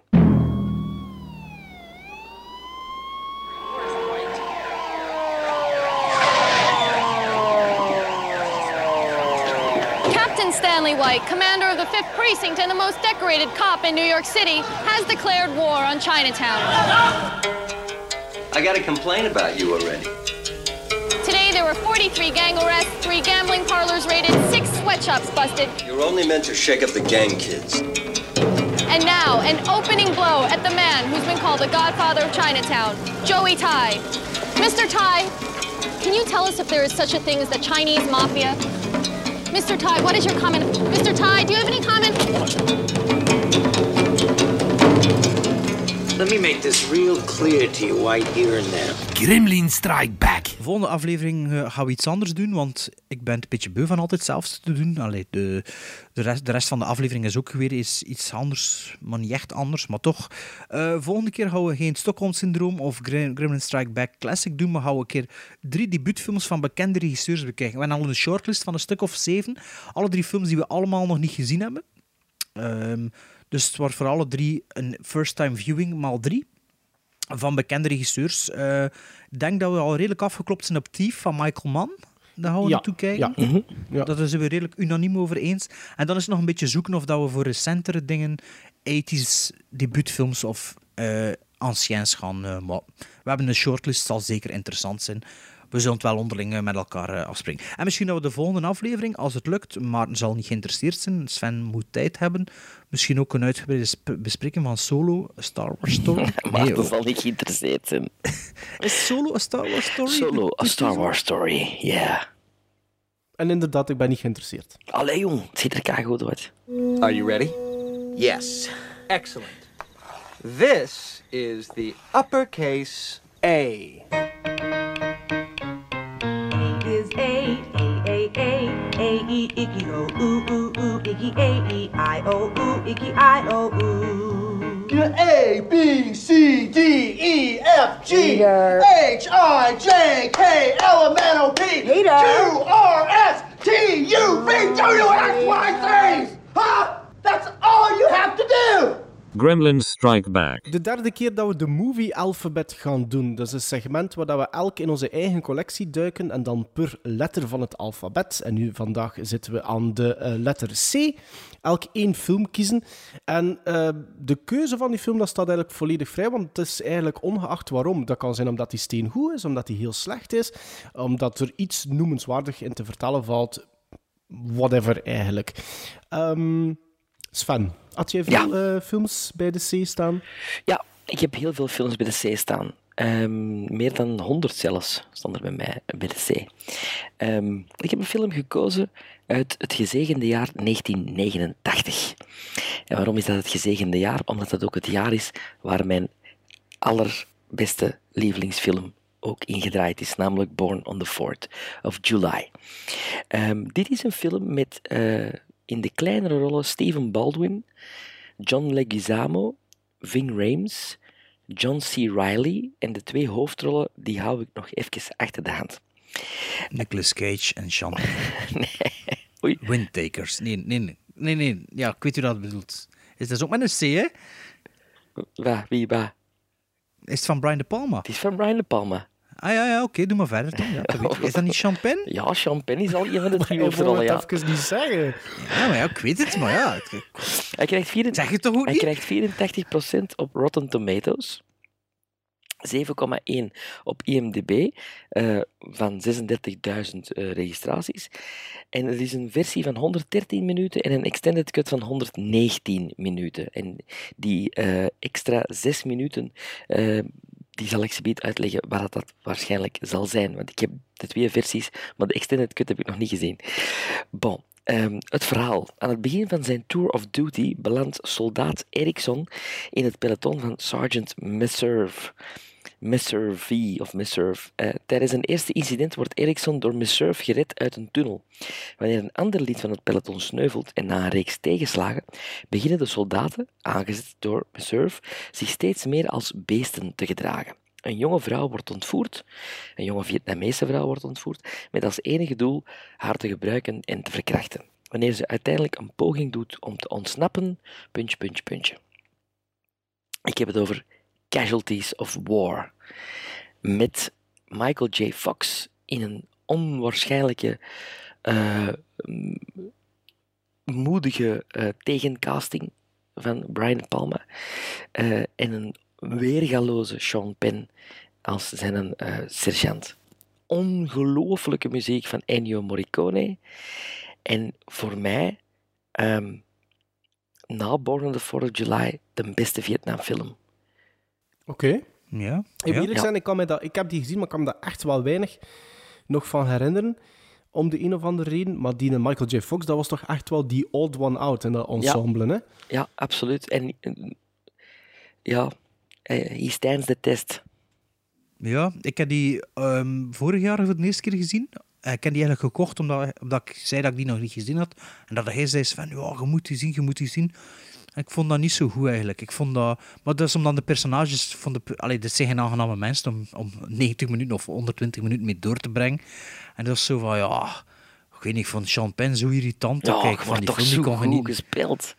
Ja, ik weet niet, kent toch liever, kent toch liever dingen? eh, Tom Sellinger in Platoon? Is Tom Sellinger of is het een andere? Tom Berenger. Berenger. Berenger, Berenger, ja. Ik had toch liever hem in Platoon bijvoorbeeld. Dat, ik weet niet, daar heb ik dan like, nog meer sympathie voor. Terwijl dat ik, ja, maar ja, dat is weer een beetje, ik ken dat waarschijnlijk al meermaals zetten, zo, ja, die, die peer pressure mentaliteit van al die miliciëns. Ja, I don't buy it, omdat ik zelf niet zo in elkaar zit. Ik, ik kus mijn kloten en doe ik het niet belachelijk. En ja, ik ga daar niet makkelijk in mee in, in een film ook. Also, ik ken dat met verschillende genrefilms. En ja, daarom Casualties of War, ja. Ik ben beetje- wel een Vietnamfilm fan. ja, maar ik ook ze. Maar ja, ik weet het niet. Ik vond, kan er iets meer van verwachten. Of, of net niet echt iets van verwacht, maar toch, ik weet het niet. Ja. Maar ja, het is, het is uw letter C. Dus, Mijn letter C. ja. En wat is het verschil van de zes minuten? Alsjeblieft. Het verschil van zes minuten, zei hij? Van Ja, de dat zal waarschijnlijk de, de, de verkrachtingsscène zijn, volgens mij. Ah, ja. Die, in de, die net iets ja. gekut Dat- is voor dat moet de... je niet zien, hè. Nee, Ik zie dat niet zo gern, hè. Nee, dus ja, dat is perfect. De Dus je mist kortere niks, versie. ja. Nee. Wel, mijn letter C, te- ik wist het goed dat Casualties of War was bij u, omdat ik, ik ken eigenlijk niet zoveel... eh, Ook al wist het goed. Eh, nee, ik wist, het, ik wist direct wat dat bedoelde, omdat ik niet veel letter C-films heb. Ah, dat ja. bedoel ik. Dus ja, ik kan eigenlijk een beetje moeten op zoek gaan. Nou ja, wat is er hier de letter C dat of interessant of speciaal of we hebben het er nog niet over gehad is. Ik weet nu niet, ik heb er zeker geen honderd, absoluut niet. En ik heb eigenlijk een film gevonden in een box met 50 films die ik heb. Dus ik heb zo'n paar van die, ik heb een drive-in box, ik heb een horror collections box, eh, sci-fi en western of zo. En dat zijn eigenlijk allemaal eh rechtenvrije films die ze bundelen. En Ja, public, voor public 10 domain zijn. eh, Public ja. domain. En je kunt dat eigenlijk voor, voor, voor 8 à 10 pond kun je dat op Amazon kopen. Maar dat zijn Amerikaanse versies. Maar er staat er in, elke box zit er wel een film of 4, 5 dat je zegt, die wil ik eigenlijk wel hebben of zien. Meestal wel redelijk slechte kwaliteit. Nu dus, er zat een film in dat ik al lang wou zien, dat ik nog niet gezien heb, dat ik eigenlijk speciaal voor dit segment dan toch maar een keer bekeken heb. Groot probleem was echter, mijn Amerikaanse dvd-speler marcheert niet meer. Allee, je, gaat wel nog, maar je leest de, sch- de schijfjes niet meer. Mijn harde schijf erin werkt wel nog. Ehm, dus ik heb hem eigenlijk gestreamd via YouTube. En de kwaliteit op YouTube is beter dan de kwaliteit dat op de schijfje stond. Want Ik heb hem ooit wel een keer opgezet, maar niet verder gekeken. En het is een film van 1962, geregisseerd door Herc Harvey. Sven, ik heb daar juist eh, tegen u de titel verklapt. Dus als je, het, allee, als je het wil verklappen voor de luisteraars, voordat mijn parley gedaan is, mag je het zeker doen. Maar Herc Harvey, het is in 62 een film gemaakt van 78 minuten. En Herc Harvey heeft 50 eh, IMDb d- eh, maar wel slechts één langspeelfilm. En dat is een film, deze film dus, van 78 minuten. Dat is een enigste langspeler. En een zekere Candace Hilligloss speelt er de hoofdrol in. Maarten zit al heel het ja te knikken, maar ik heb er eigenlijk met Maarten al over gehad vandaag, dus u weet het. Ik was, heel, ik, was, niet ik, was, verklappen. ik was heel blij. Ik was echt heel blij. Ah, wel. Het is eigenlijk een film... Sven zit heel dicht tegen zijn webcam om hem beter te horen, beste luisteraars. He's Ik zal- Het is, het is een film gedraaid voor 30.000 dollar in drie weken met een crew van zes man. Eh, en als je de film op IMDb opzoekt, zegt hij... Allee, op IMDb had altijd zo suggesties, hè. Als je dit cool vindt, hè, dit misschien is misschien interessant. De remake ervan, van deze film, staat erbij, van 1989, denk ik. Nee? Maar... Eh, eh, nee, ik denk dat het al de jaren 90 moet geweest zijn. Of de jaren Denk 90. De remake ervan staat 92. ertussen. Waarschijnlijk omdat het dezelfde titel is. The Haunting van 1963. De originele Cat People van 1942. En Les Yeux, Les Yeux Sans Visage, waar Maarten al ooit over had. Dat is een top 10 van 2017. Toen me verhaalmatig of beeldvoermatig of sfeermatig denk aan The Shining, Night of the Living Dead en David Lynch. Zijn films. En het is niet zo goed geacteerd, maar het is wel heel mooi gedraaid. En er zitten heel veel schone shots in. En het is fascinerend op een manier om naartoe te kijken. En dit low- low-budget spektakel heeft echt een cultstatus. En als ik de titel zeg, had Sven er nog nooit van gehoord. hebben. Nee. Ik ken het over Carnival of Souls. Van gehoord. Van de remake misschien toch zelfs. De remake trouwens gaat de, de, de twee laatste cijfers omgedraaid. Dat is 98. Ah, is het 98 zelfs? Ah, ja. Ja. Ehm, ja, dus ik had die film zelf nog nooit gezien. Kan ik kan ik hier de synopsis voorlezen eh, van Movie Meter? Hè? Als een auto van een brug afrijdt, komt een inzittende om het leven. Of alle inzittenden eigenlijk. Maar Mary Henry duikt na een tijdje na het ongeluk op wonderbaarlijke wijze weer op. Ze neemt een baan aan als orgelspeler in een kerk, maar schrikt terug van een mysterieuze fantoom die in een oud huis woont. Die synopsis is niet zo correct eigenlijk, maar... Nee. Wel, tot, Nee. tot van die de Ja, fantoom, ja. is een beetje raar geschreven. Ja, ja. En ja, ik heb dus vandaag eigenlijk voor de eerste keer die film gezien. En ik snap wel dat dat een cultstatus heeft. Dat hij de veel kwaliteiten die je later in, in veel bekendere films terug ziet komen. En die waarschijnlijk een van de eerste waren die dat deden. En dat dat met zo'n laag budget gefilmd is. Het, wordt niet goed geacteerd. Hè. Tempo is iets laag. Iets laag, maar de acteurs zijn allemaal een, een goede kop. En ja, het is wel een sfeer. Wie speelt er mee? niet zo... Ja, Candace Hilligloss. Candace Hilligloss. Ja. Moet misschien een keer de trailer checken. De, de, film zit in public domain, maar wel 2016, dacht ik, een Criterion treatment Ja, gekregen. ja, ja. En dat is de versie die trouwens op YouTube staat. Dus gewoon, is super, een super schone transfer. Twee keer valt de klank weg en toen heb ik een slechte transfer op YouTube verder gekeken. Maar ja, check de trailer een keer. Misschien spreekt het u aan. Voor u, voor u Sven, zal het niet echt iets zijn, Het denk is, een, het is een beetje een mindfuck. Het is een hele weird movie. Ook, alleen natuurlijk ook het low budget gegeven draagt daar ook wel aan bij. Maar het is een hele weird Ja, maar movie. Maar, vind- het heeft mooie, mooie shots. Het heeft, het heeft voor mij hele creepy what the fuck momenten. Ja. Ehm, Het is, en ik, ik vond dat is echt een goed. Ik vind dat, ik vind dat echt Dat is niet meer Vincent film. Price of, of zo. Of- Nee, nee. Nee, nee, nee. Maar er was wel een Vincent Price bij die andere zes. Allee, die zes die MDB Ja. die Vincent Price film ook dus. Maar het is echt niet hammered, het is echt niet... Het is vrij, vrij, vrij trashier, gedra trashier gedraaid, maar wel allee, met budget als dan en met de zesman crew hebben ze echt wel ferme dingen gedaan, moet ik zeggen. Ehm, Die Candice, eh, Bart, ehm, die, Die leeft nog. Wat, die- ik weet niet of dat die nog leeft. Ja, maar dat ja, zou wel die leeft kunnen. nog. Ja. Ehm, of ze weten niet dat ze dood is, want het is zo, ja, drie films zijn verdwenen. Dat kan, hè.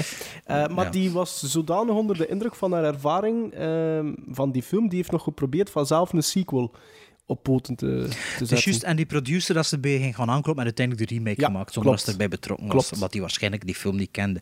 Maar ja, als je die film, ja, als je dat aanspreekt, of lees je sans visage, je dat gezien, dat is uw ding, dan moet je dan misschien, eh, ja, welke checken. Laat vooral de remake uit 98 links liggen, want de grootste selling point daarvan was dat er op de cover stond Wes Craven Presents. Dat was het. Hij is echt. Ja, dus mijn letter C. Eh, als derde in dit, eh, in dit movie alphabet stukje een film die ik eigenlijk een beetje in de spotlight wil zetten. In tegenstelling tot de vorige keer, waar dat ik heel negatief was over Batman The Killing Joke. Een film deze keer uit 2015, dus best recent. En het is een film van de regisseur van Spider-Man Homecoming. Dat is een man genaamd John Watts. En ik heb het eigenlijk over zijn vorige, dus de, de, de film voor Spider-Man Homecoming uit 2015 dus, met Kevin Bacon in een hoofdrol. Sven hoort het in Keulen donderen en ik kan u niet... Ik, dat verbaast mij niet. Eh, de film heet Cop Car. Hebben jullie ooit al over Cop Car gehoord? Nee. Ja, ik heb dat gezien. Ik, dat was zo'n film die plots wel op, op lijstjes zo wat... Eindejaarslijstjes, Zelfs de verhaling voor de afleveringen, ja. In, op te verschijnen. Eh, maar toch een film die zelfs tot op de dag van vandaag... Allee, de dag van vandaag is maar, is maar eh, drie jaar oud. Eh, maar zelfs niet met het succes bijvoorbeeld van een Spider-Man Homecoming, toch een, een Marvel blockbuster, is die film nog altijd niet zo wat boven komen drijven. Is nog altijd onder de radar wat gebleven. Kopkar gaat over twee jongens van tien jaar die eh, een, schijnbaar verlaten politiewagen in een veld vinden. En vooraleer dat ze het goed wel beseffen, beseffen, zitten die er al in, starten ze de motor en gaan ze ehm, op joyride. Maar dan merkt de, de, de, de, chef, de sheriff dus, de sheriff van het kleine stadje, dat zijn auto weg is. Dat is dus Kevin Bacon. En die wagen blijkt dan toch wel heel belangrijk te zijn. Ehm, de chemistry tussen die twee jongens is heel leuk en goed om naar te kijken. Dat is een van de grootste selling points.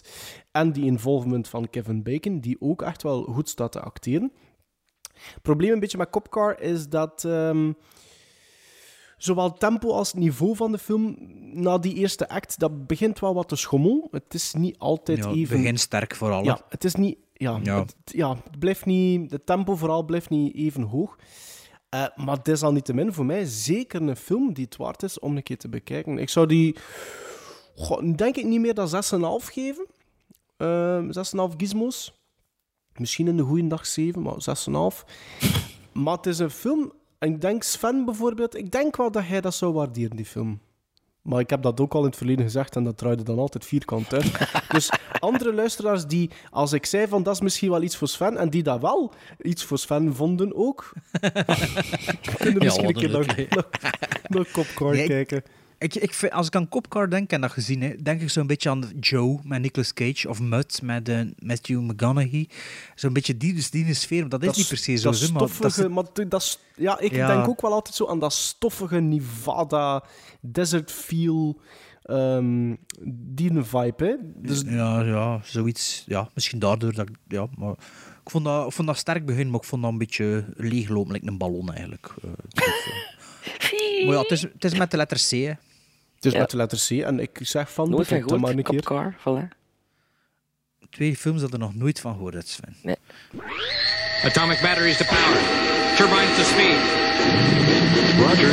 Ready to move out. You watch. Kikili watch, You watch. kikili watch, You watch. kikili watch. What did a watchman watch, watch, watch, watch? Watch, watch,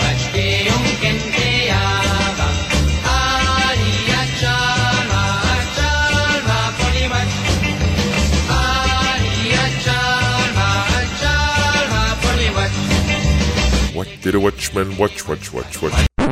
Bart, What did a watchman watch, watch, Bart. watch, watch? Bart, we zijn Bart kwijt, denk ik. Gremlins Strike Back. Terwijl dan de andere twee nog eh, dit segment aan het voorbereiden zijn. Want eigenlijk hadden we nog iets anders voorbereid. Maar ja, met Sven zijn geprutst met zijn eh, nieuwe micro of zijn nieuwe laptop. Eh ja, we moeten het een beetje, kort, beetje korter houden. Hè. Eh, daarom gaan we eigenlijk gewoon nog een keer What Did the Watchman Watch doen. Men eigenlijk al veel films aangeraden deze aflevering, heb ik het gevoel. Maar we doen gewoon lustig verder. En eh, ja, in plaats van een keer een top 3, is nu gewoon nog een keer What Did the Watchman Watch? En toen babbelen we over films, like dat ze op café doen. En zijn de luisteraars, de vrienden, die willen meebabbelen. Hè? Like dat Vincent Klaassen zei. Ehm, ik heb gisteren nacht, gisterenavond, een film voor de eerste keer gezien dat ook geremaked is. En de remake heb ik ook nog niet gezien. Of had ik nog, eh, heb ik nog altijd niet gezien. De origineel had ik ook nog niet gezien. En dat is een film van 1974 van Joseph Sargent, die ook Jaws the Revenge gedaan heeft en Nightmares uit 1983. Hebben jullie dat gezien, Nightmares? Nee, maar dat stond op mijn watchlist. Dat zegt mij Joseph- wel iets, hè? Wel, ik zag die hoes, al, ik zag de poster en ik dacht, dat ken ik uit de videotheek. Maar ik heb het nooit gezien, ze, die film. Maar het zag er wel, het zag er wel cool uit, Joseph. Sargent die heeft de hoek volgens mij een Chuck Norris film gedaan. Hè? Dat zou kunnen, ja. Ik heb, ik heb me niet zo verdiept in eh, Joseph Sargent, maar ik zag die in een film ertussen, dat, ik dacht, dat herken ik. Maar ik heb het over een, een film van 1974 dus, met Walter, Walter Matthau in de hoofdrol en Robert Shaw als Ah, Willer. ja, ja, ja. En ik heb The Taking of Pelham 1 to 3, de origineel, gezien gisteren voor de eerste keer. Mhm. Eh, waarover gaat dat nu? Eh, ik zal het gewoon voorlezen, dat gaat makkelijkst en te struikelt minst over mijn woorden. Vier gewapende mannen gijzelen een New Yorkse metro en eisen 1 miljoen dollar. Die moet worden geleverd binnen een uur, omdat ze anders de passagiers zullen vermoorden. Lieutenant Zachary Garber van de New York City Transit Police moet samenwerken werken met de burgemeester, de eisen van de kapers en met de, de doortikkende klok, om zo de passagiers te kunnen redden en de kapers te pakken. Zag, dat was nu wel slecht geschreven van Movie Meter, vind ik. Maar ehm, jullie hebben die gezien, hè? Ja. Ja, ja, ja. ja. Ik heb ook die, de, de, de remake gezien. Maar is dat met John Travolta? Met John Travolta Ja, en James Van Tony. Scott, hè? Hè? Tony Scott, hè? Tony Scott, ja. Laatste, Ja, denk ja, ik, laatste film van Tony. Hè? Hè? Hè? Ja. Eh, voorlaatste film van Tony Scott. Laatste is Unstoppable. Nee, Ehm, nee, Taking of Pelham is na Unstoppable. Is Taking 2009 niet? Taking is... Unstoppable 2010. Nee, want ik heb Unst- Unstoppable voor eh, Taking of Pelham gezien. Met de, ik weet dat heel goed, mijn zoon wil absoluut naar de Taking of Pelham 1, 2, 3 gaan zien, omdat Denzel Washington erin meespeelde, die hem kende van Unstoppable. Ja, maar ja, misschien had hij die... Nee, in de cinema, allebei in de cinema gezien. Ah ja, oké. Ehm, maar dus, ja, het het dus een origineel ook gezien, Maarten, hij ook? Ja, ja, ja. Hij is, is een grote Walter Matthau fan, Ja, zeker? eigenlijk Is wel. Ik ook. Eigenlijk wel. Ah, wel, ik moet zeggen, ik ken die mensen eigenlijk niet zo goed, behalve van naam en van ehm, Dennis de Menace speelt hij ook zeker Ja, in ja, mee? De de- de Grumpy, neighbor, old, ja, Grumpy ja. Old Man. Daar ken ik hem eigenlijk van, maar voor de rest heb ik nog niet zoveel van hem gezien. Maar ik moet wel zeggen, zelfs in deze film, zijn comic timing en zijn gezicht, jongen. Moment, dus in het begin van de film moet hij daar die, Ja- die Japanners rondleiden en zit hij er eigenlijk, al- zit hij ze eigenlijk uit te op de duur. En toch gebeurt er natuurlijk wel aan de pijs dat er gaat gebeuren. En zijn gezicht op dat moment, man, man. Ik ken echt een paar keer moeten lachen. Maar ook gewoon de, de sfeer van de film, de, de, de, de, de authenticiteit van New York City. Hoe dan die vent allemaal, eh, die, de, die working man en zo van New York City en al die verschillende departementen Ja, ja. De, ik vond dat eigenlijk echt wel een sterke film. Ik had dat niet verwacht. En ehm, ja, door die remake ook ja, nooit echt aandacht aan besteed. Omdat ik dacht, oh ja, zo'n- als ze zo'n film remake, als ik er nog nooit van gehoord heb. Maar eigenlijk echt wel aangenaam door verrast. En Zoveel ook, beter als de remake. Wat, wat ik zo cool vond, is eh, die acteurs, allee, dinges, eh, Sean, noemt Robert? Shaw, Eh, ja, Robert Shaw. Robert Shaw, ja, die weet ik natuurlijk hoe dat hij eruit ziet, maar die andere boeven zijn dus Hans de film een hoedje aan, een, een snor opgeplakt en eh, een pruik of zoiets. En als je ze dan ziet na de overval, zonder een maskering aan, dan is dat wel cool, omdat hij, ja, je, zit dan niet, je weet niet wie dan dat is. Allee, Je weet wel wie dan dat zijn, maar je, je merkt wel dat die vermomming dat dat wel efficiënt is. En ja, gewoon zo... Ja, maar dat is helemaal de uit die remake uitge- uitgelaten, hè? Maar dat bracht hen inderdaad wel heel, heel veel sfeer met hem teweeg. Hè. Ja. Moment, dus eigenlijk vlak na de overval en hoe dat ze dan op die subway dan stappen. Dus heel dat segment, Ja. dat, is echt, dat is echt sfeervol. Hè? En, en, en, ja, en er zit veel in die film die al allee, die door verschillende wel gepikt is, ook volgens mij. Het is een beetje zo... Allee, natuurlijk het bekendste dat gepikt is, is Mr. White, Mr. Brown, Ja. Mr. Ye- allee, de Reservoir Dogs naam komt rechtstreeks uit deze film.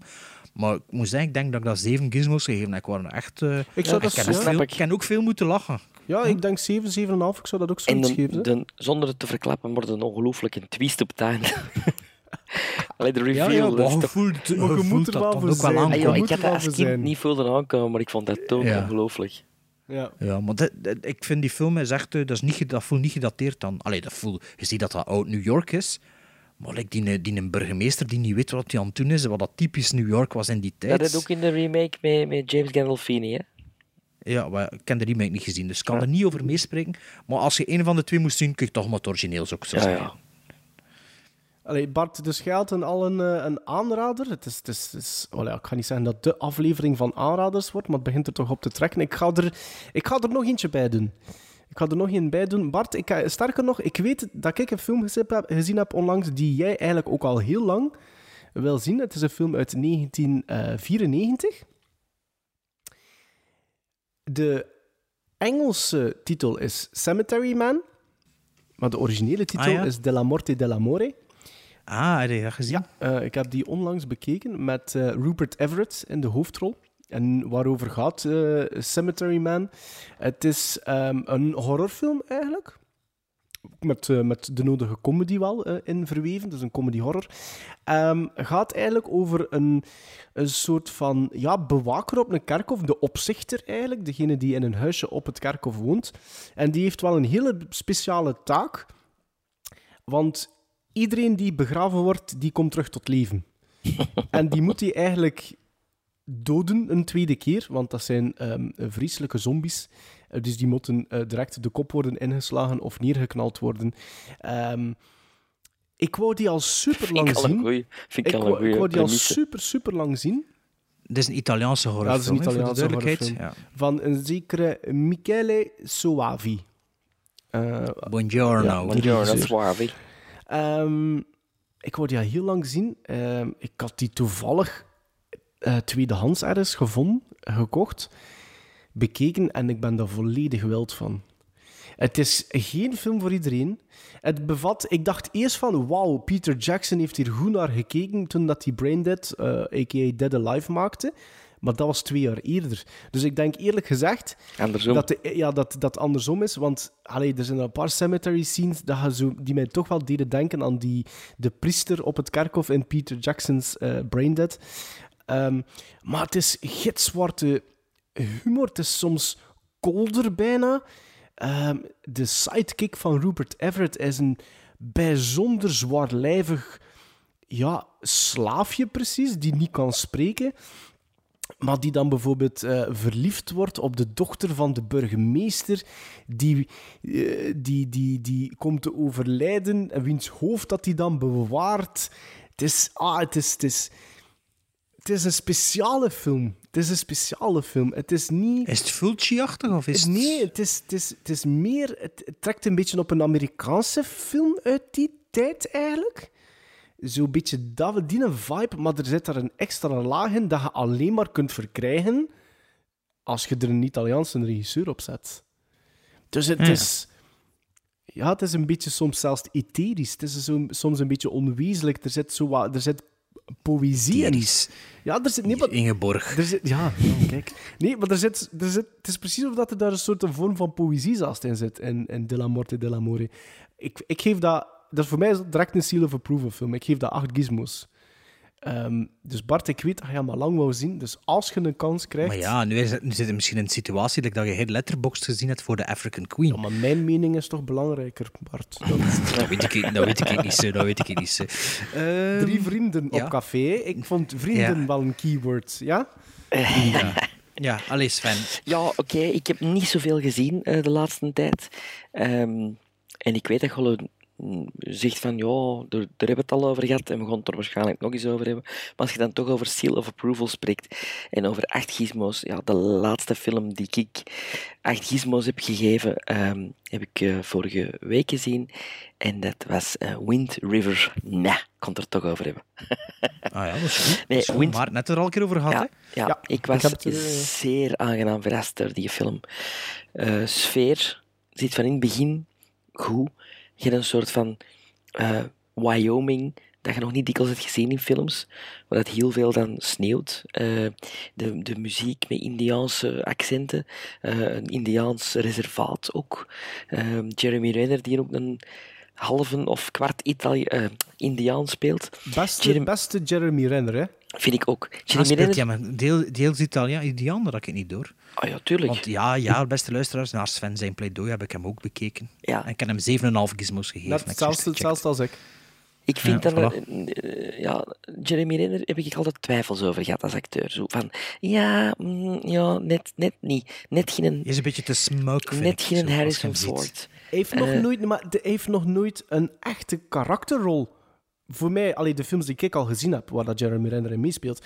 Arrival kwam het dichtst daarbij, wat als fan helemaal geen fan van is. Nee, nee. Maar Hurt in Locker Wind River zet hij voor het eerst...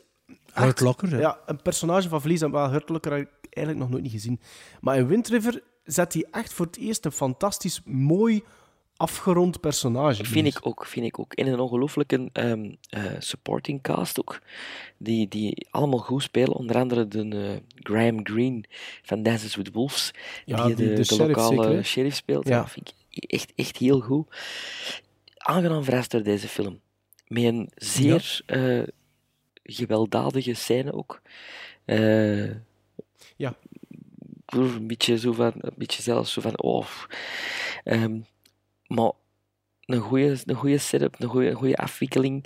Ni- niet te lang voor mij. Ja, ik vond dat echt topfilm. Ik, ik, vond, ik vond dat wel beter dan Hell or High Water, dat dezelfde Ik vond dat- dat de regisseur ook geschreven Ik heeft. vond hè. dat veel beter dan Hell or High Water. Ik vond, ook, ik vond Hell or High Water niet zo goed eigenlijk. Maar hij heeft ook Sicario geschreven, hè, de regisseur. Ja, ja, ja. En nog iets, denk ik. Ik weet niet meer wat. Eh, maar ehm, ja, Sven, het verbaast me dat hij die film pakt, omdat we gezegd hebben, we gaan het er wel nog over hebben. Maar eh hij wordt toch op een redelijke winning streak, hè, dacht ik. Had er niet veel goede films gezien recent. Ik had zo'n Weet je wat? een winning streak, ja. we, gaan, we gaan nog een rondje doen, hè, Tom? Hè? Nog een rondje? Is het goed? Ah, wel, doe maar nog één, voilà. Ige. Ja? Wel, dan kon ik nog een film van 1970. Eh, omdat dat eh, zie ik in mijn diary. eh, een film is die... Op Letterboxd? Op Letterboxd, die ik 9 eh gizmos geef, dus op Letterboxd 4,5. Film van 1970 over ehm, Oliver Cromwell. De titel is ook Cromwell. Ehm, en Cromwell ehm, was... eh, ja, het is al een tijdje geleden dat ik hem gezien heb, maar was een, een, een Ier eh, die een, eigenlijk eh, in, in Engeland ehm, zich verzette tegen de, de, de koning eh, van dat moment. eh, ehm, de King Charles op dat moment. En Cromwell wordt gespeeld door Richard Harris. En eh, de koning wordt gespeeld door Sir Alec Guinness. En eigenlijk heet de film Cromwell, maar gaat hem voor mij meer over die koning. Meer over de figuur die Alec Guinness neerzet. En het is een, ja, het is een, het is een history lesson. Het is met, met battles en alles erbij. Fantastische kleuren. Ehm, in scope gefilmd. En twee acteurs die staan te spelen alsof dat hun leven ervan afhangt. Richard Harris en Alec Guinness. Ongelooflijk. Ehm, blij dat een film van 1970, eh, een, ges- een geschiedenisfilm, toch bij mij dat dat, dat kan teweegbrengen. Zo van, wauw, geboeid zitten zien van begin tot einde. Ja? Mm. En heb je de Amer- American Movie Channel gezien, of waar heb je dat gezien? Nee, op BBC had ik dat opgenomen, op, een paar Ah, ja. maanden geleden. Dat stond op een eh, digibox. Een van uw vijf digiboxen? Eh, drie. Nog altijd te veel. Maar ja, oké. Dus Allee, ja, dat ja. me niets eigenlijk, die film. Hè? Cromwell, ja. Maar heb je nog iets gezien of had je geen tijd? Ik heb in de afgelopen 48 uur zeven documentaires bekeken. Cheat. Ik ben, in een, ik ben echt in een, op dit moment in een documentary craze weer. Dat gebeurt wel af en toe een keer. Geholpen door het feit dat er eindelijk Netflix aanwezig is ten huize Melon van Dorpen. Dat doet er ook wel iets toe. En ik ga er eentje uitpikken. Degene die mij gigantisch ontroerd heeft eigenlijk. En de titel van die documentaire is Trans Fatty Lives. Oei. Het, ja, het gaat hem over een, een internet, een soort van internet celebrity, een jonge gast. Het verhaal begint, de documentaire zelf begint in 2005, wanneer dat hij 30 jaar is. Ik heb nooit niks met internet, YouTube, celebrities gehad. Ik, ik ken daar niks van. Dus ik had nog nooit... ook geen 16 jaar. Ook niet meer. Eh, Maar ja, ondertussen in 2005 was ik toch wel eh 13 jaar jonger. Dat was ik 20. Ja, maar internet celebrities nog- bestond toen nog niet. Hè. Dat was pas een paar jaar later. Hè. Het- hij wordt zo omschreven, dus dat zal wel zo kloppen. Ik kende die gast niet. Het begint eh, in 2005, wanneer dat hij 30 is, en hij begint wat last te krijgen van zijn gezondheid. Wat blijkt? krijgt de diagnose van eh, ALS. En een redelijk... eh, ja, op, op, op drie jaar tijd gaat die man redelijk snel achteruit. Maar dat is een bijzonder creatieve gast. Altijd een filmmaker geweest, altijd documentaires willen maken, altijd films willen maken. En die besluit eigenlijk een documentaire over zichzelf te maken en over zijn strijd tegen de ziekte. Dat is heel mooi, dat is heel aardig, dat kabbelt rustig verder. Dat is zeker boeiend voor naar te kijken, maar dan gebeurt er natuurlijk ook iets in die documentaire dat het een gans ander cachet geeft. En ehm, dan, is er maar nog, dan is er nog, denk ik, een uur eh, over van die documentaire. En wat dat er dan gebeurt, dat is echt aangrijpend. Dat is... ehm, ja. Ja, niet te veel verklappen, zou ik zeggen. Nee, hè. ja, ik wil En, eigenlijk eh, ook er niet veel over verklappen. Ik, ik, heb, ik moet eerlijk zijn, ik heb, toen ik in de catalogus zat van Netflix, ben ik er drie keer over geweest. Maar Netflix doet dat slim, want die thumbnails passen zij iedere keer aan, blijkbaar. Ja, ja, ja naar dat iets is anders. slim ja. gezien, want dan heb je zoiets van, hey, dat heb ik precies nog niet gelezen. Dus na drie keer had ik zoiets van, ah, weet je wat, ik ga dat toch maar een kans geven. Ja, dat is... Ja, de titel is nu niet zo Trans Fatty Trans Ginger? Fatty Lives, ja, dat is blijkbaar een, een, een jongen die wat, ja, die wat stevig staat. Ehm, maar ik weet niet waarom dat die trans... Die vrouw wil Nee, worden, nee, of niet? heeft- Ja, ik dacht ook, het is daarom eerlijk gezegd van, goh, dat is weer zoiets in het genre van dat er heel veel van verschijnt. Van girl. Ja, maar dat er heel veel van verschijnt nu ook, documentaires. Ik dacht ook dat die trans op transgender, maar dat is dus niet het geval. Ehm, maar ja, voor mensen die graag documentaires zien en die toch wel een keer een, een aangrijpend verhaal nog een keer willen zien, ja, aanrader. Oké, wel, ik zal er ook nog eentje doen. Om af te ronden, tenzij dat we er nog eentje gaan doen. Nee, gaan afronden hierna. hè. Ehm, het is een film dat ik dit weekend gezien heb. eh, en het is een film die eigenlijk een van de invloeden was van Christopher Nolan op Dunkirk. Het was zo een artikel verschenen met films die eh, mij geïnspireerd hebben voor Dunkirk. En één ertussen was de, de laatste film van Tony Scott, uitgekomen in België op 10 november 2010. een, jaar na, een jaar na Taking of Pelham 1 to 3 op 29 Het is juli geen waar, is Sven. Is 2009. het geen waar, Sven? Nee. Dat kan niet, dat kan niet. Ik heb het juist opgezocht, man. Ja. Zoek, eh, ga maar een keer in je eigen tijdlijn opnieuw. Nee, ik heb het dus over eh, Tony Scott zijn laatste film uit 2000 2010, Unstoppable. Eh, een film van 98 minuten met Denzel Washington en Chris Pine. En eh, Rosario Dawson. Dawson. Rosario Dawson. Eh, waarover had de film nu? Allee, ik dacht, er werd ehm, als invloed genoemd voor Dunkirk samen... Ja, wat, wat toonde je mij nu, Sven? Wat stond er van boven? Dat staat van boven Unstoppable. En dan de Taking of Ja. Pelham, dus je hebt gelijk. Ah ja, ja, Ah, ja. dat bedoelde ik. Ja. Ah, ja, ja. Oké, ik dacht dat de bewijs Nee, nog toen. nee, Ah, ja, maar, maar ik ken geen gelijk. Ik heb het op IMDb opgezocht. Ik zou het anders niet weten. Eh, en het was omdat ik Unstoppable al opgezocht heb dat ik het wist. Maar dus Unstoppable werd dus door Christopher Nolan samen met Speed benoemd. Als een beetje dezelfde soort invloed op zijn, eh, op zijn film.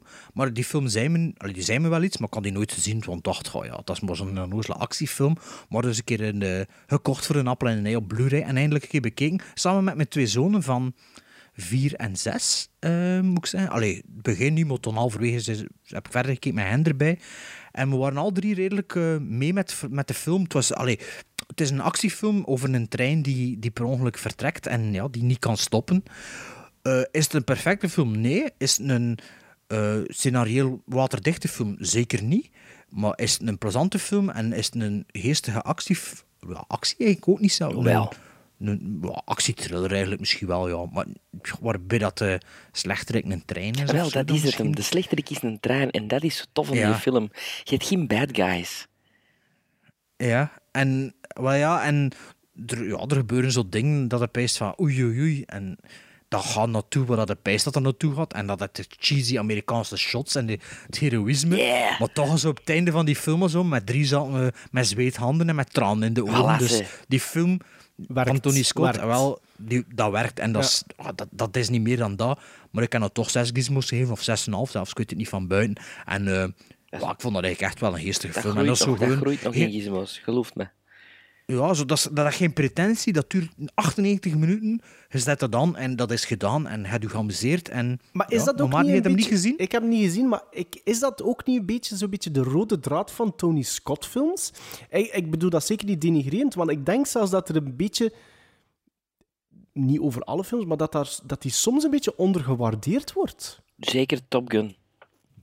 Ja, dat is dus die ene dat ik niet, dat je niet ging opzommen. Ehm, maar die, die gast... ja, als ik je- heb niet zoveel gezien eigenlijk van Ja, zijn ik heb daar toch wel redelijk veel van Ja, gezien. hij is wel, hij, maar hij is wel heel divers ook, hè? want The Hunger Ja, bijvoorbeeld. True, true, Ja, True Romance. ja, True ja, Romance ja. is fantastisch ook, hè? Ja, Ja. maar toch Wat- vind ik dat, dat die man... Want hoe lang is die ondertussen al dood? Acht jaar. 2012. 2012, Oh, zes jaar. kijk, zes, zes Ja. jaar. Ja, ik heb de indruk dat, dat die man, ja, alleen niet lang genoeg herinnerd Crim- Crimson. Tide. Oh, oh, oh. Ja, ja, maar volgens mij, mark my words, dat gaat nog een eh, grotere regisseur worden in de komende jaren. Ik denk dat, ik in hoop 10 jaar, eigenlijk 20 jaar gaat er al veel... Want ik, hoor, ik heb al regelmatiger gehoord zo, dat ze zeggen van... Ja, Ridley Scott heeft de the- beste films gemaakt, Ja, maar- maar, maar, maar, Tony Scott is consistenter geweest. Dat vind ik nu ook wel. Dat vind Ja. ik nu ook wel. Ja. Ja, ik- misschien ik wel. vind- ja. ja. pas op. Ja. Ik denk, ik denk dat hij wat meer krediet m- moet blijven krijgen dan misschien. Do- Domino en ik ooit Domino, beginnen ja, Mickey maar, ik- Rourke ook. maar, ik vond, maar ik vond dat lastig hoe dat, dat gemonteerd werd, maar ik heb dat wel op Blu-ray gekocht. Dat is, dezelfde, dat is eigenlijk dezelfde stijl dat hij dan doortrekt in Man on Fire bijvoorbeeld. Nee, eh, Man on Fire, want Domino is later. Ja, Ja, déjà, déjà, Déjà vu, déjà, vu. Déjà vu ook. Ja, Ja. Dat, dat is zo'n beetje. Dat, dat op, een- op een gegeven moment was dat zo'n beetje de trademark van, van Tony Scott, die, die Ja, onder de, visuele stijl. onder de Bruckheimer-vlag ook. Hè? Ja, Ja. maar dat zijn Maar- en allemaal geen slechte films, hè? Nee, The Last Boy Scout met Bruce Willis. Ja, ziet, dat is ook Ja, weer ja. een dat ik eigenlijk liever links Super had laten liggen. entertainment. Hé, echt wel super Nee, ik, ik, entertainment. ik, was wel half van joken, half. Eh, Hoe vind je dat niet goed, of? ik vind de Last, Boy, Scout, Boy Scout vind ik nu niet super, nee. Maar ik vind dat ook dat een beetje overroepen. Toch entertainment? Dus het Dat is entertainment, ja. Een buddy Maar cop Crimson? Tide is wel iets meer entertainment. Ja. Of De Hunger Enemy dan of the State, is dat ook. van hem? Enemy of the Enemy State. the Enemy of the State. State. Dingen, The Wow. Fan, met Robert De Niro Ja, en Wesley Snipes. Snipes. 90 of zoiets? Of, ja, ja. Ja. Ja. Kijk, ik vind, we beginnen over Tony Scott en we kunnen precies nog duur gaan voor een half uur. Spy Game. Spy Game Rob dat is ook van hem, ja, juist. En Brad Pitt. Ja. Zie je wel, hè? Tony Scott, man, je moest geen zelfmoord plegen. Had hij zelfmoord gepleegd? Ja. Ja. Van een brug, van een brug, hè. Ja. Jongen, jongen, jongen. Unstoppable was die. Unstoppable.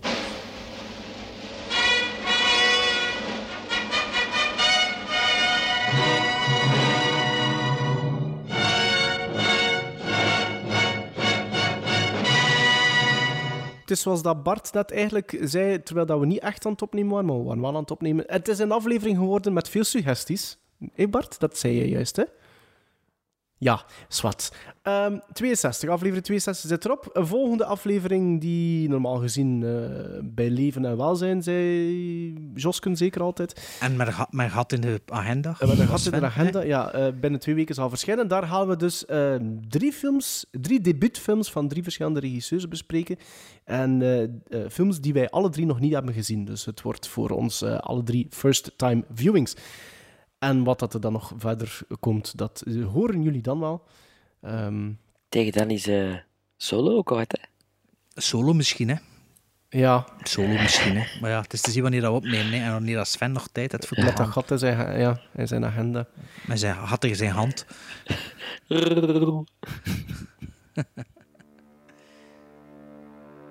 Dat was toch Maar ja, wat moet er nog, moet ik nog, moet er nog? wat moet er nog zeggen? Nee, je moet- nee, ja. Now, was that civilized? No, clearly not. Fun, but in no sense civilized.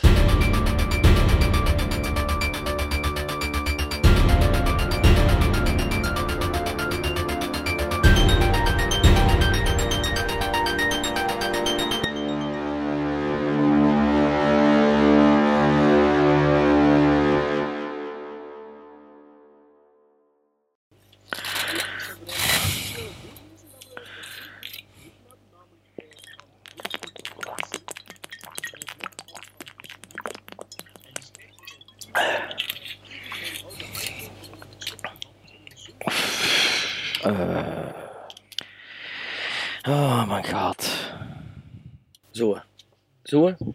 Zo. Zo. Sven?